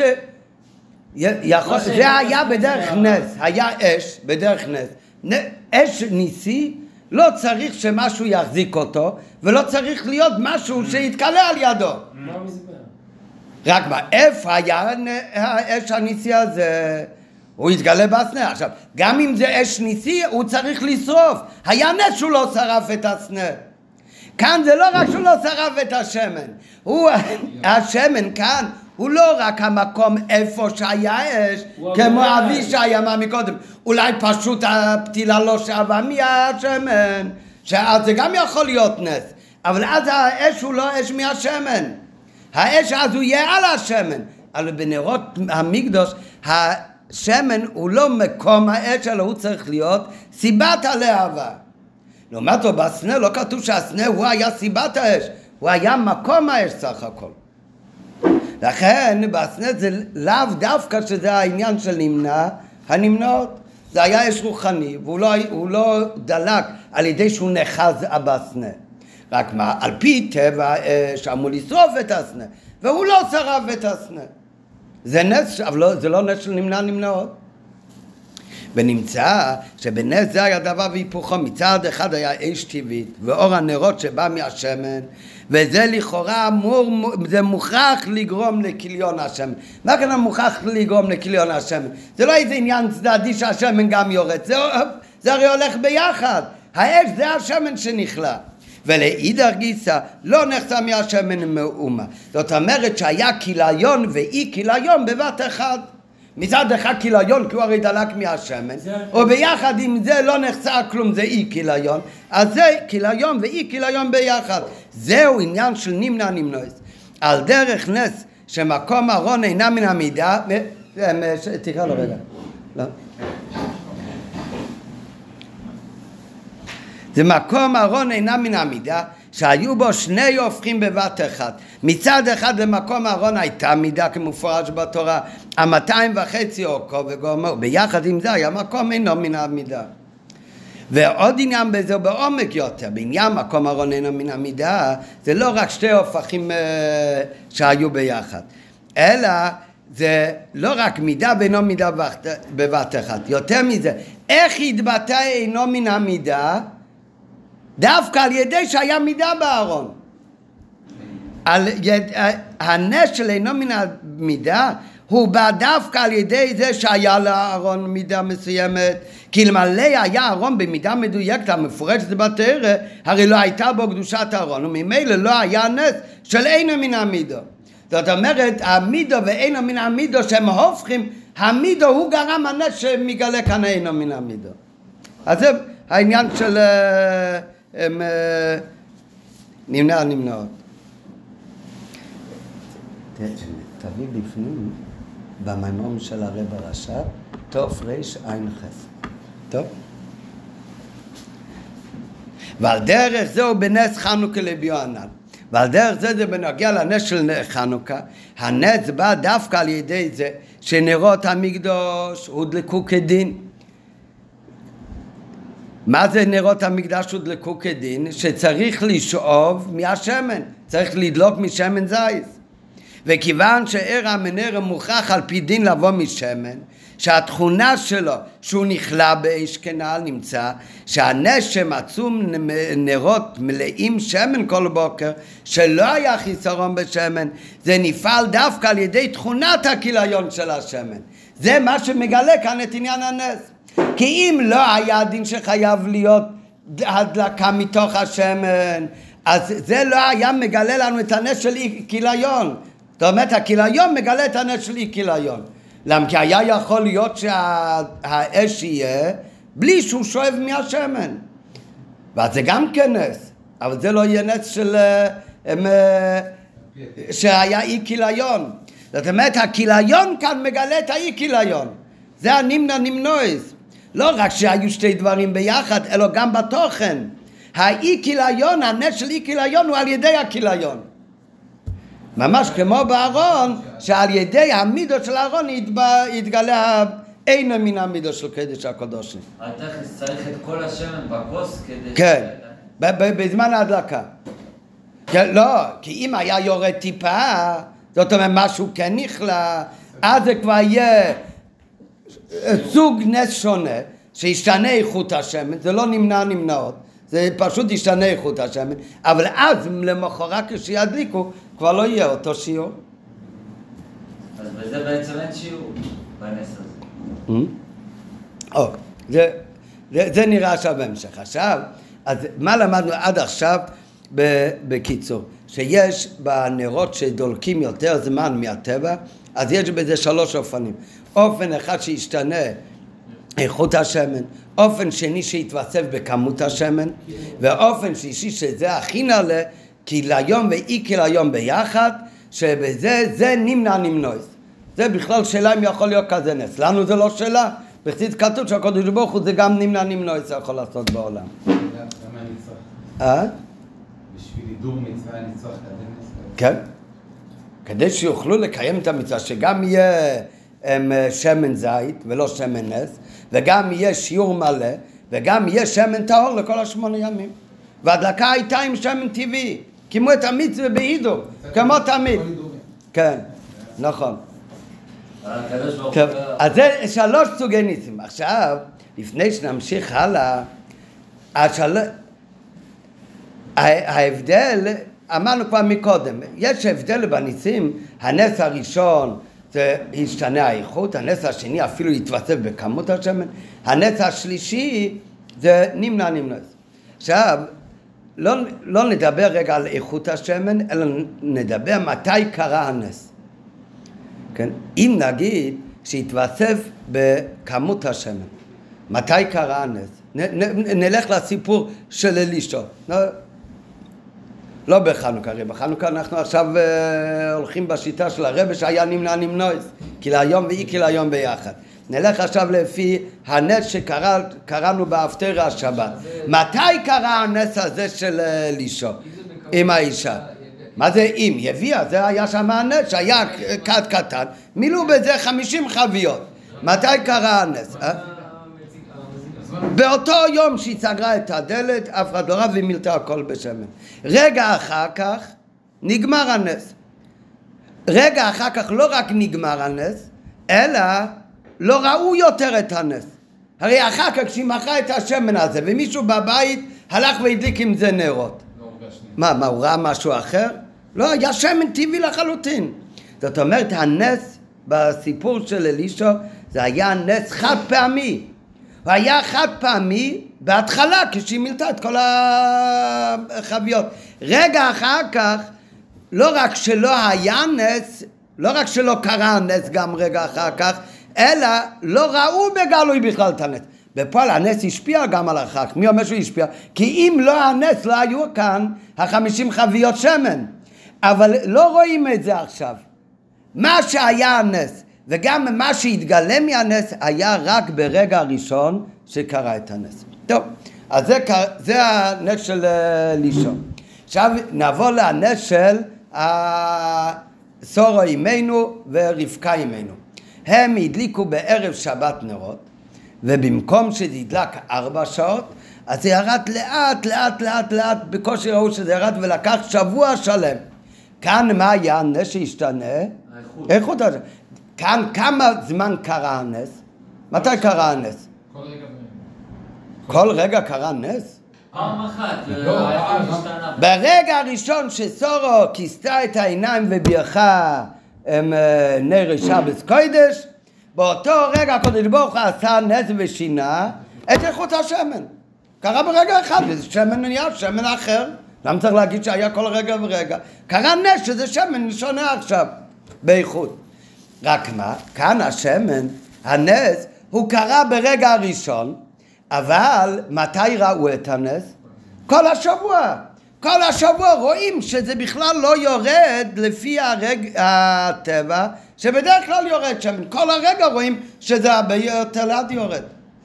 אז זאת אומרת, בנס של אלישו, הנס היה ברגע הראשון, והוא היה בגלוי רק ברגע הראשון. אחר כך לא ראו כלום מהנס. הנס של, של הדלקת נרות של צורו ורבקו, הוא היה ברגע הראשון, שהשתנה איכות השמן, אבל הוא ניכר למשך כל הזמן.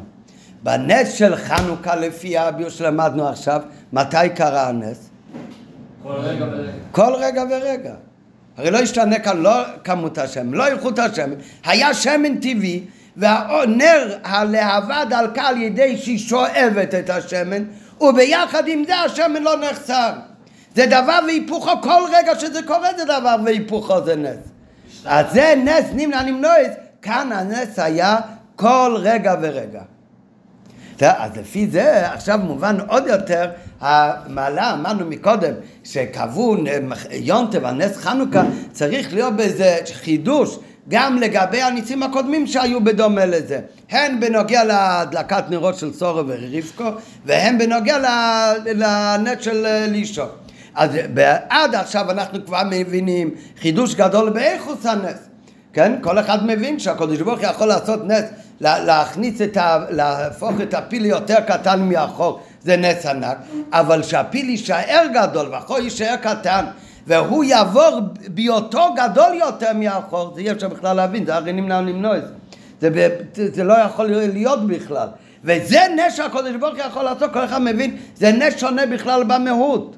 זה נס בדרגה אחרת לגמרי. בנוסף לזה עכשיו, אז מובן עוד חידוש, שזה לא רק מצד איכוס הנס, אלא גם מתי קרה הנס. הנס של אלישע היה חד פעמי. הנס של סורו זה היה רגע אחד. כל שבוע באמת, אבל רגע אחד. רק זה התבטא, ראו את זה בגילוי כל השבוע. הנס של חנוכה לשמונה ימים, כל רגע ורגע היה כאן נס של נמנע נמנועס. אחרי שלמדנו עכשיו שלושת האופנים בנס, זה לא רק שלושה אופנים בנס, אלא זה גם בזמן, שהנס, זה שינוי בכמו, זה נס חד פעמי, וגם לא ניכר אחר כך בגלוי. אפילו שזה משפיע על אחר כך, כי יש את השמן בזכות הנס, אבל זה לא ניכר בגלוי אחר כך.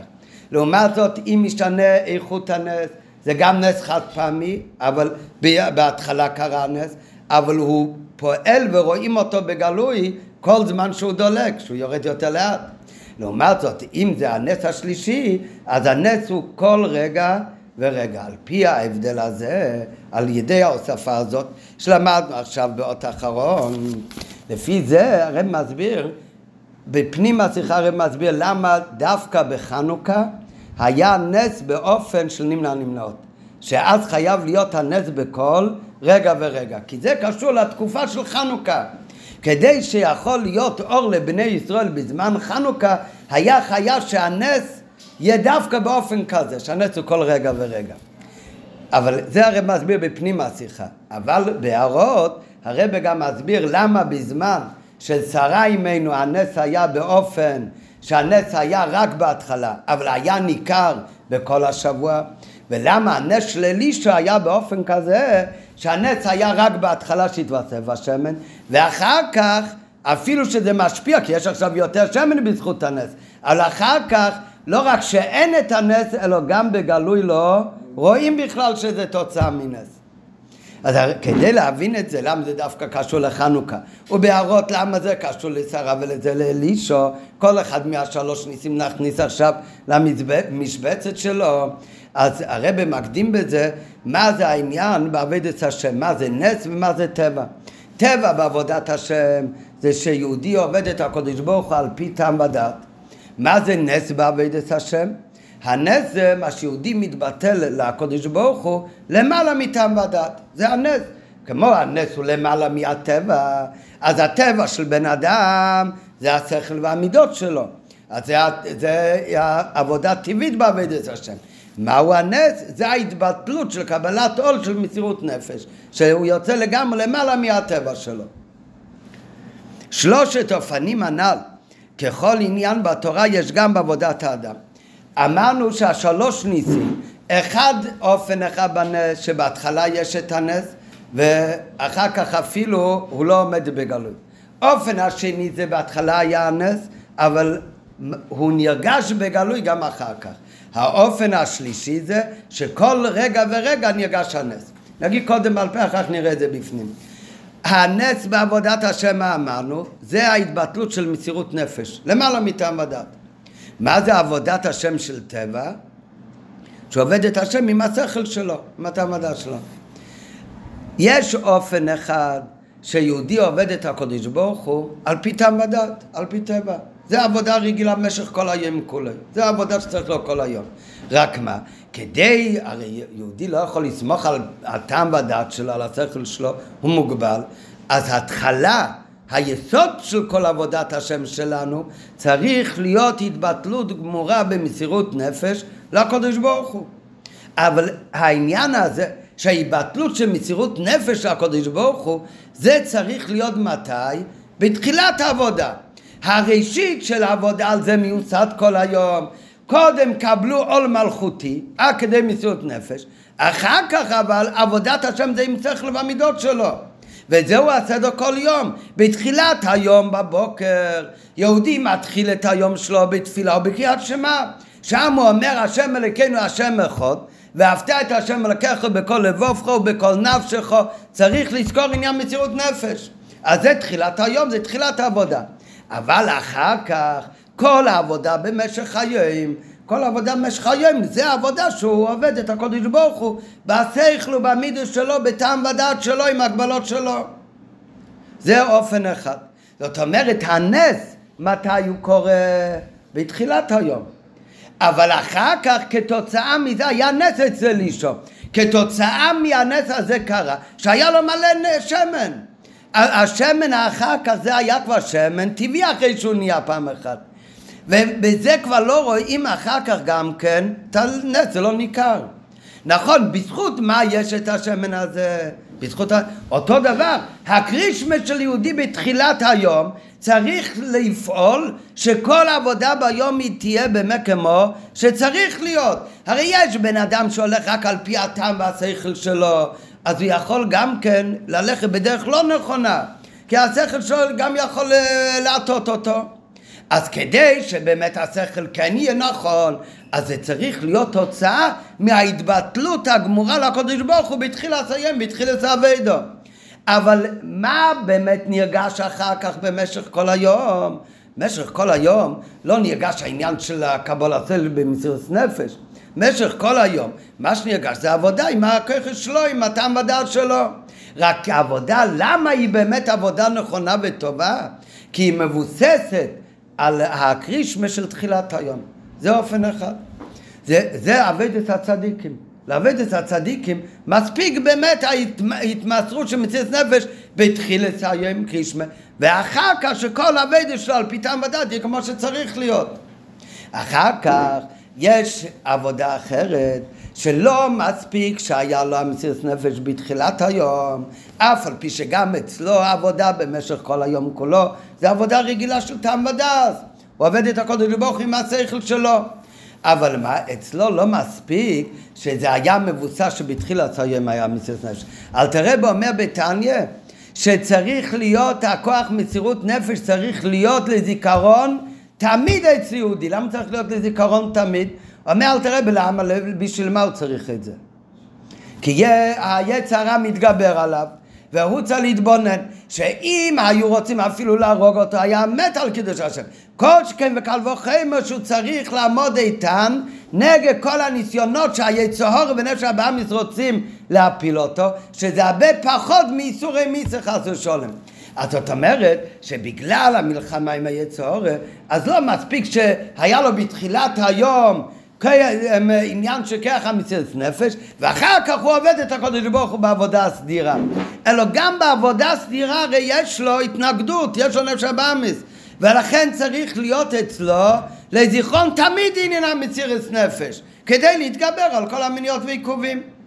אבל עדיין, כל היום איזה עבודה הוא עושה? עבודה של קריאת שמע? לא, עבודה של טעם ודעת. צריך לזיכרון תמיד, צריך לזכור צריך שיישאר בגלוי גם אחר כך המסירת נפש של תחילת היום.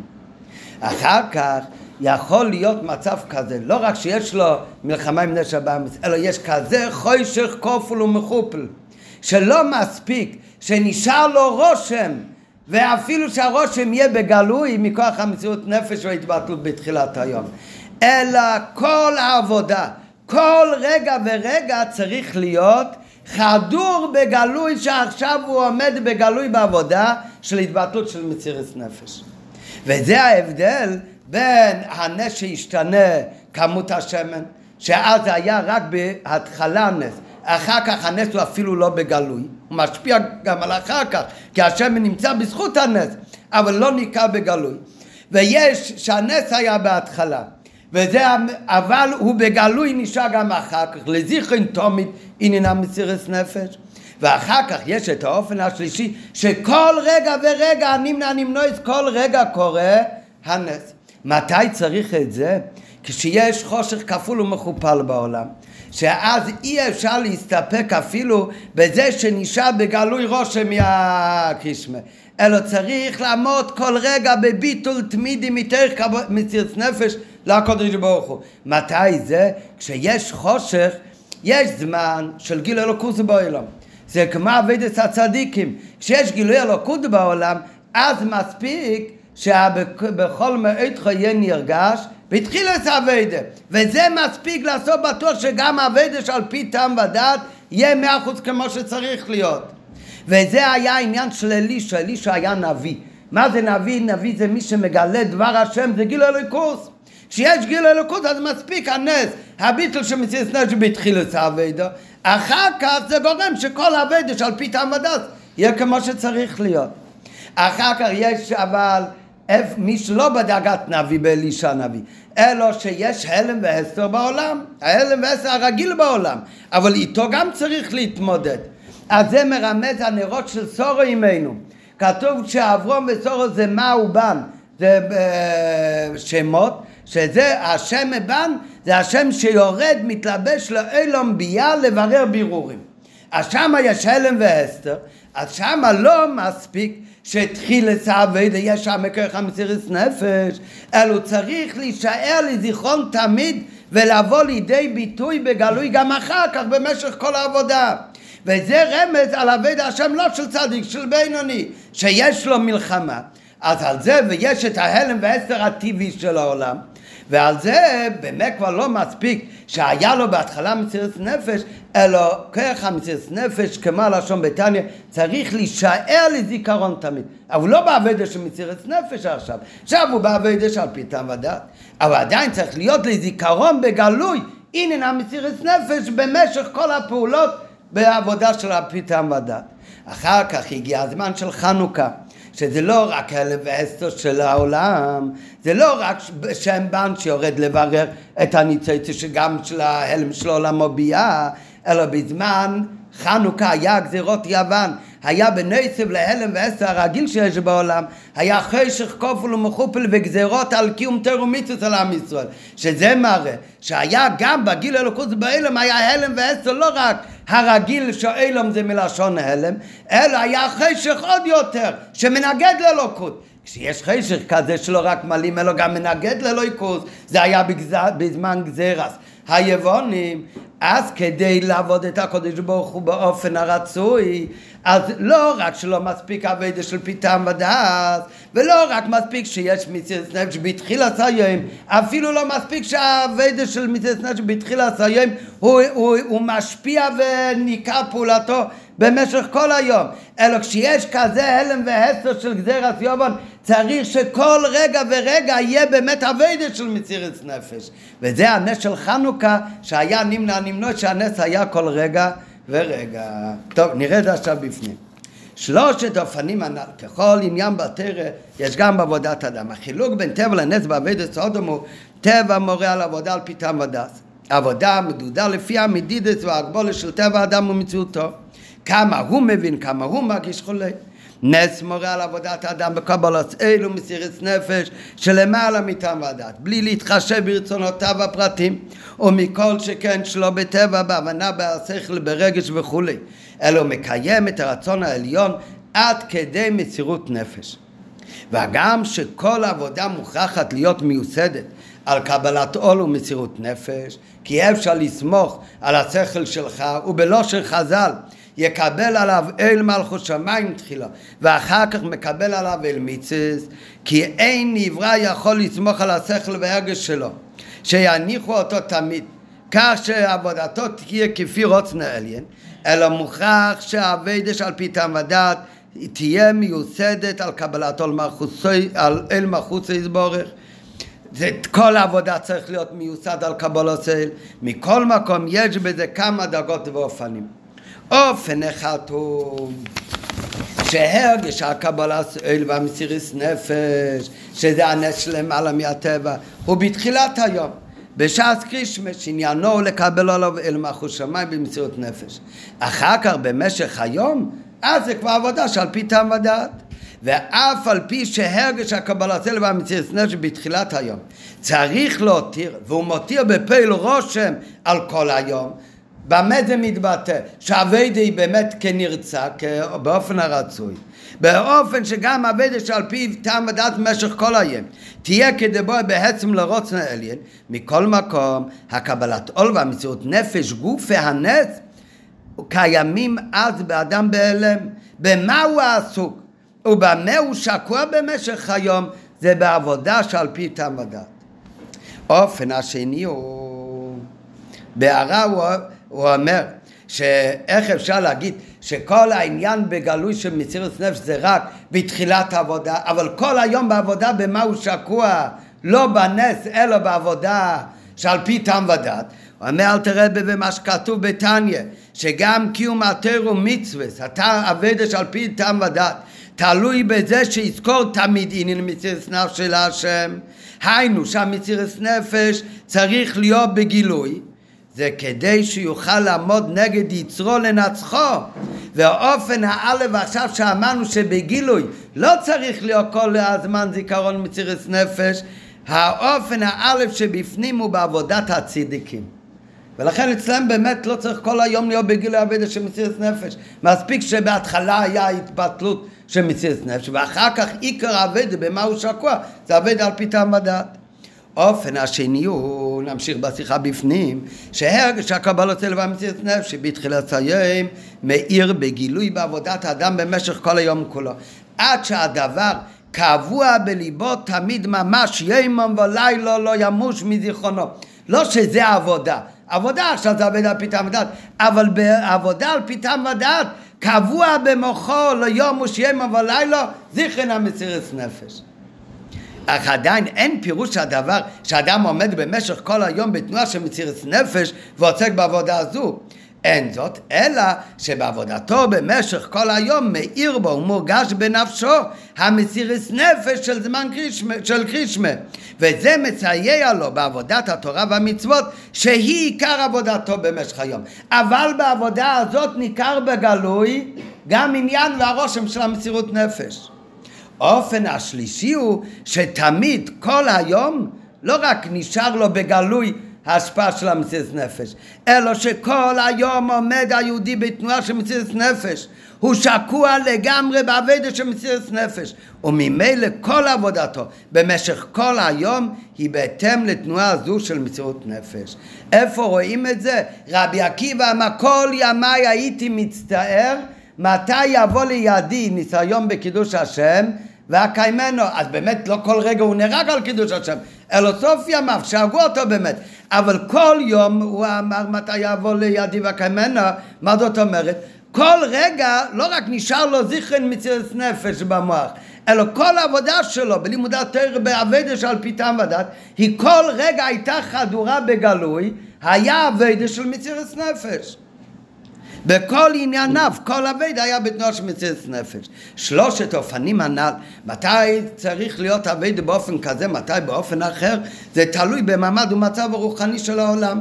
בשנים כתיקונם, כאשר אור הקדושה מאיר בגילוי בעולם, באבד זה הולך על אבדת הצדיקים, אז די בכך שישנה תנועה של מסירות נפש בקריאת שמע בתחילת היום, כי מאחר שאין חושך, אז גם עניין זה הרושם של המציאות נפש מספיק כדי להבטיח שהעבודה שעל פי טעם ודעת תהיה כדבוה, תהיה כמו שצריך להיות. אמנם כאשר בא מצב שבו החושך יכסה ארץ, הרי אז לא מספיק התנועה של מסירות נפש בתחילת היום, ואחרי זה לא נתן ממנו אלא רושם בהלם, אלא בשעה כזו שיש חושך יחסי הארץ, נדרש שיהיה הרגש המסירת נפש ניכר ומורגש בגלוי במשך כל היום. ודווקא על ידי זה בן אדם יכול להתגבר על החושך. ובזה עצמו יש שתי אופנים. אופן אחד הוא שחושך העולם ממלאים ומסתיר לאלוקות. רק במידה שבה העולם מלשון הלם מעלים ומסתיר מצד טבעו מציאותו על אור הקדושה. אבל לא שהוא מנגד יותר ממה שנקבע אפילו לפי טבע האלום. ובמצב זה, כיוון שכך הוא סדר הדברים על פי טבע, שהאלום מיילים ומסתיר על אלוקות, הנה עיקר עבודת האדם היא עבודה שעל פי טעם ודעת. הטבע של נפש אלוקית הוא מספיק נגד הטבע של העולם. רק מה, בטבע של עולם יש הלם והסתר, אז צריך להישאר בגלוי הרושם של מציאות נפש מהבוקר. אלא שכדי להסיר את ההלם וההסתר של העולם, שלא יבלבלו את עבודתו של יהודי, צריך הרגש המסירת נפש להאיר בו, לא להשאיר רושם בהלם, אלא צריך להאיר בו בגלוי במשך כל היום. אמנם יש מצב של הלם והסתר בעולם חשך, יחסי הארץ, לא לפי טבע העולם, אלא יש מצב שחושך העולם מתחזק באופן שהוא מנגד לו עיר הקדושה. עד שישראל נתונים במיצר ובשביה. העולם לא רק מיילים ומסתיר לפי הטבע שלו אלא מה לא לקוס, אלא שהעולם מונע ומעכב את ישראל מעבדת השם. הנה אז, בכזה חושך, עיקר עבודתו של יהודי צריכה להיות נתונה למלחמה בחשך האלום. לשבור את החושך עד להפיכת החושך לאור. ובעבודה זו נדרש שיעמוד האדם בתנועה תמידית של מציאות נפש, על כל צד ושל במשך כל היום. וזה הביאור למה דווקא בחנוכה באותס היה נס באופן של נמנע נמנועס שלפי הנס הזה הרי הנס היה בכל רגע ורגע. כי כך היה אז עבודה של בני ישראל בזמן של חנוכה בעבודתם הרוחנית. מצד גודל החושך בימי יוון, כשעמדו שלא היה רק הלם אחרי שכיחס האורץ באופן הראשון כפי טבע האילום, אלא היה חשך יותר גדול. היה כשעמדו להשכיר חום תרסך ולהעביר מחוקרי צנכו. אז מה נדרש? מה היה העבד הרוחנית של בני ישראל? ניצבו ישראל בתנועה של מסירות נפש גלויה.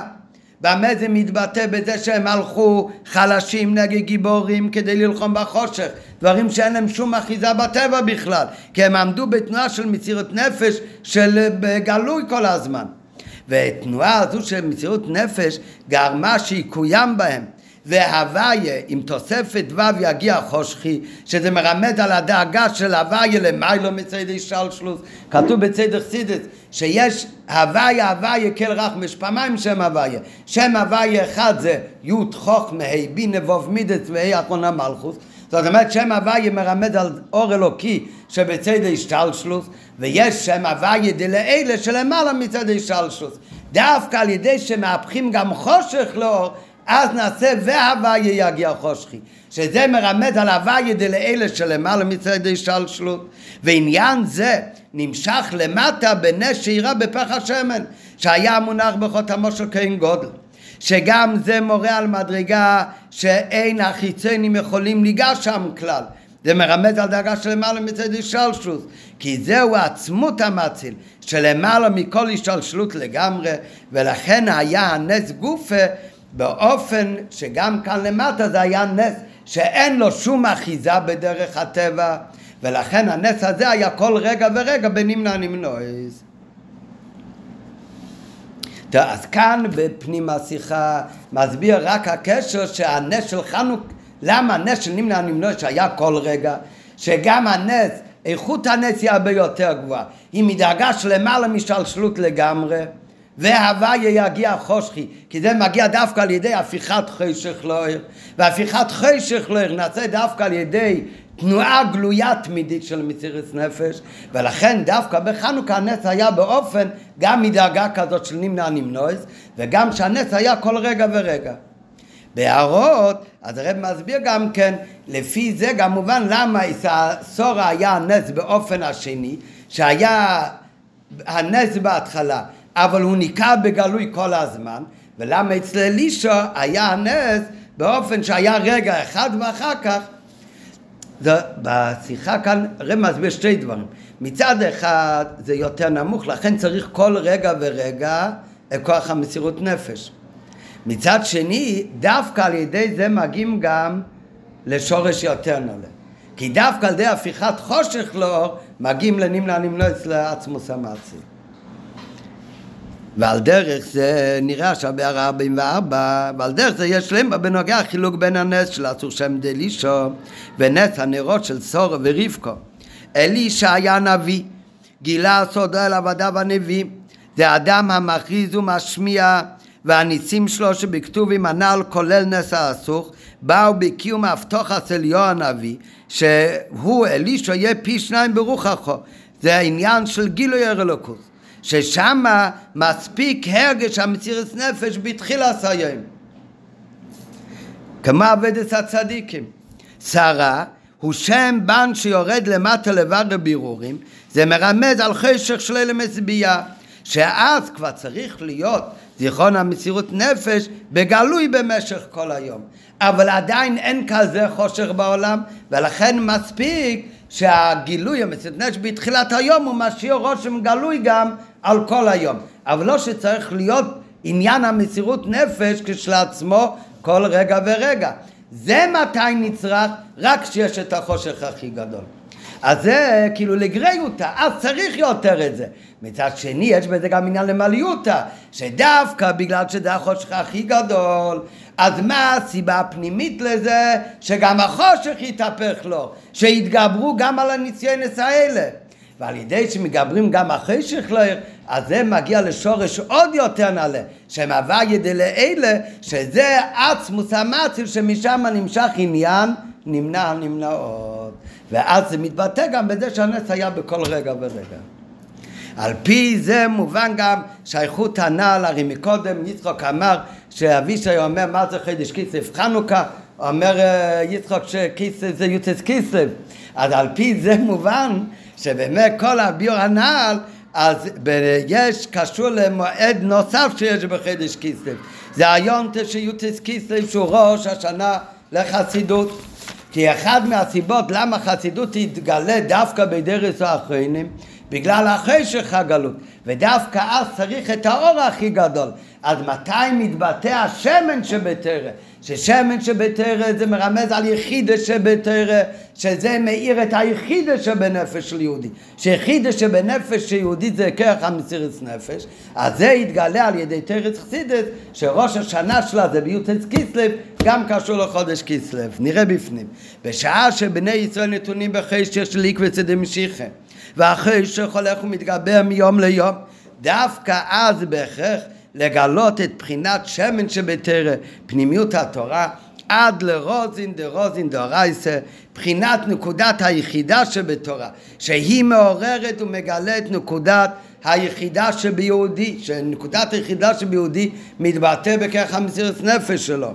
ובאופן של יפוצו מנוסחו חוצו, כמו שאמרנו מקודם שצריך להיות בהוויה יגיע חושכי, שהחושך מאיר דווקא מהדרגה הכי גבוהה בשם הוויה, אז על דרך זה יפוצו מנוסחו חוצו, הכוונה המעיינות עצמם. זה הסודות ורוזין דה רוזין דורייסה. ואיפה הם יגיעו יפוצו מנוסחו חוצו עד לתוך החוצו, שהמעיינות יגיעו גם לחוצו באופן של הפצה, ועל ידי זה דווקא נפעל העניין שבהוויה יגיע חושכי, שגם בחושך זה של עקבסא דמשיחא עד אשר יקוים הייעוד ולילה כיום יאיר שחשך הגלות יהפך לאור בקרוב ממש. טוב, אז באמת היה קצת יותר באריכות, אבל אולי בזכות זה לא היה אזעקות. לא?